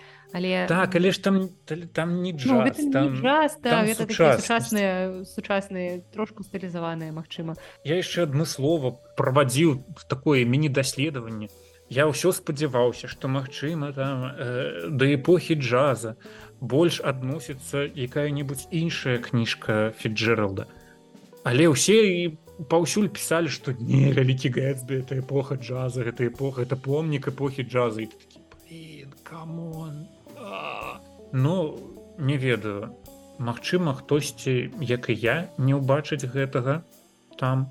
Паўтаруся я рабіў усё у межах сваёй перакладчыцкай місіі каб там дзе была музыка. Ну, все все апраўданы гучала. перакладчыцкім судом сярожа апраўданы о ну все дзякую Магчыма, Ты- хтосьці ты з- іман ты імантыю апранула так так у манты. І я думаю можа хтосьці ў каментарях нам напіша штосьці пра музыку гэтым твор. Калі што мы гатовы адкрытыя да дыялогу на гэтую тэму ну, прынамсі сярожа не ведаю як я але сярожа э, адкрыта пішыце ў каментарый на Ютубе і сярожа прыйдзе і вам там усім будзе адказваць але ведаеш мне так ужо хочется перавярнуць старонку з назвы гэтсбі не мне хочется ўжо просто развітацца з фіджералдам як это разумееш калі я перакладаў таксама споведь перакладчыка калі перакладаў мозара мне вось так і назовём Хоч- падкаст Э, мне, мне вось хочется напрыклад вярнуцца да мозара калі перакладаў пройслера мне цяпер таксама хочется там вярнуцца да іншых твораў пройслера да іншых там твораў класічнай дзіцячай нямецкамоўнай літаратуры але ну калі я пераклаў гэтспі мне ну, все мне вельмі хочется- закрыта. мне вельмі хочется перакладаць там з англійскай мовы. Але я Не больш не, хочу, не хочу перакладаць фіджералда не дзенькую бардзо але як, Ну, вось як гэтым каза- падкастам мы за зафінішуем твае Вось як казала, як казала моя стрыечная цётка калі вы яе пыталі чаму яна не выходзіць замуж паўторна яна адказала дзякую адным куском адным кавалкам падавілася болей не хочацца гэта цудоўны твор гэта цудоўная кніжка пра якую ты можаш думаць бясконца вось мы сёння ўвогуле колькі нагаварылі пра яе усякага розная которая тебе можа выкінуць на эмоцыі дадат ну, пазітыўныя альбо не, не пазітыўныя але ну як бы прынамсі ў маім выпадку як бы не хопіць. Магчыма калі я стану зусім старым калі мне будзе там няма чым заняцца калі ты 101 перакладзеш усё што захацеў і ты такі ну ладно так і быць застаўся фіджеральд такой ніколі не адбудзецца ну, так? так ну так. Вось ну тады на гэтай такой прыемнай Джазавай. спавядзенчаскай джаза далі джаза Таму на такой ноце ну трэба я так думаю развітвацца так. Мы Развітвацца. сёння ўжо шмат нагаварылі на трындзелі Божа мой на 100 гадоў наперад. Але, Але ва ўсякім ну, разе тым я- што нашы доўгія выпускі слухаюць часам больш чым кароткія выпускі. Я не ведаю з чым гэта звязана. Можа быть вы так любіце сярожу напішыце ўжо мне пра гэта і сярожа створыць свой падкаст у якім вы будете слухаць яго бясконца просто ну, Але, ну, здаецца, тады ў маім падкасці будзе вельмі шмат мацюкоў і будзе вельмі самы такое. самы самы цымус. І назовеш Ну, назовеш яго споведь перакладчык Вось э, у нас ты таксама была свая споведь калі яна прачытала мой пераклад яна сказала што столькі слоў анягош яна не бачыла ў свеце ўвогуле. Гэта Вось. просто адно з маіх любімых слоў апошнім часам і ў сярожа ў перакладзе яно сустракаецца 5 ці 4 разы. Ну, нормально нормально але. Ну, ўсё гэта але у ўсё патрэбных месцах так. У патрэбных месцах. Make анягош great again як Вось а я яшчэ падумаў што ты завядзеш сабе якога-небудзь кота альбо сабачку сабачку і назовеш яго анягош канешне конечно анягош а не Ну, анягош хадзі сюды таму анягош фас! Ну, Да. клёва клёва прыкладна так это і будзе гучаць Вось, ну вось на таму- такое вот пазітыўная нота на якой мы скончым ну так все я быў рада цябе пабачыць я быў мы не бачыліся ўжывую ўжо чорт ведае колькі. Ну чаму чор- На- чорт не толькі чорт веда паўтара ме- два нормально. Ам- таму так на, на такой цудоўнай анягожнай ноце прыйшоў час развітвацца. Хлопчыкі Так. дзяўчынкі. Дзякуй што Вось. прыйшоў сюды як заўсёды. Вось такі у нас адбыўся тэлемост э, менск будапешт і я спадзяюся што гэты выпуск быў цікавы нягледзячы на тое што доўгі сустрэнемся яшчэ і, і з вами і з сярожам у наступных выпусках подкаста Дзякуй сярожа што прыйшоў.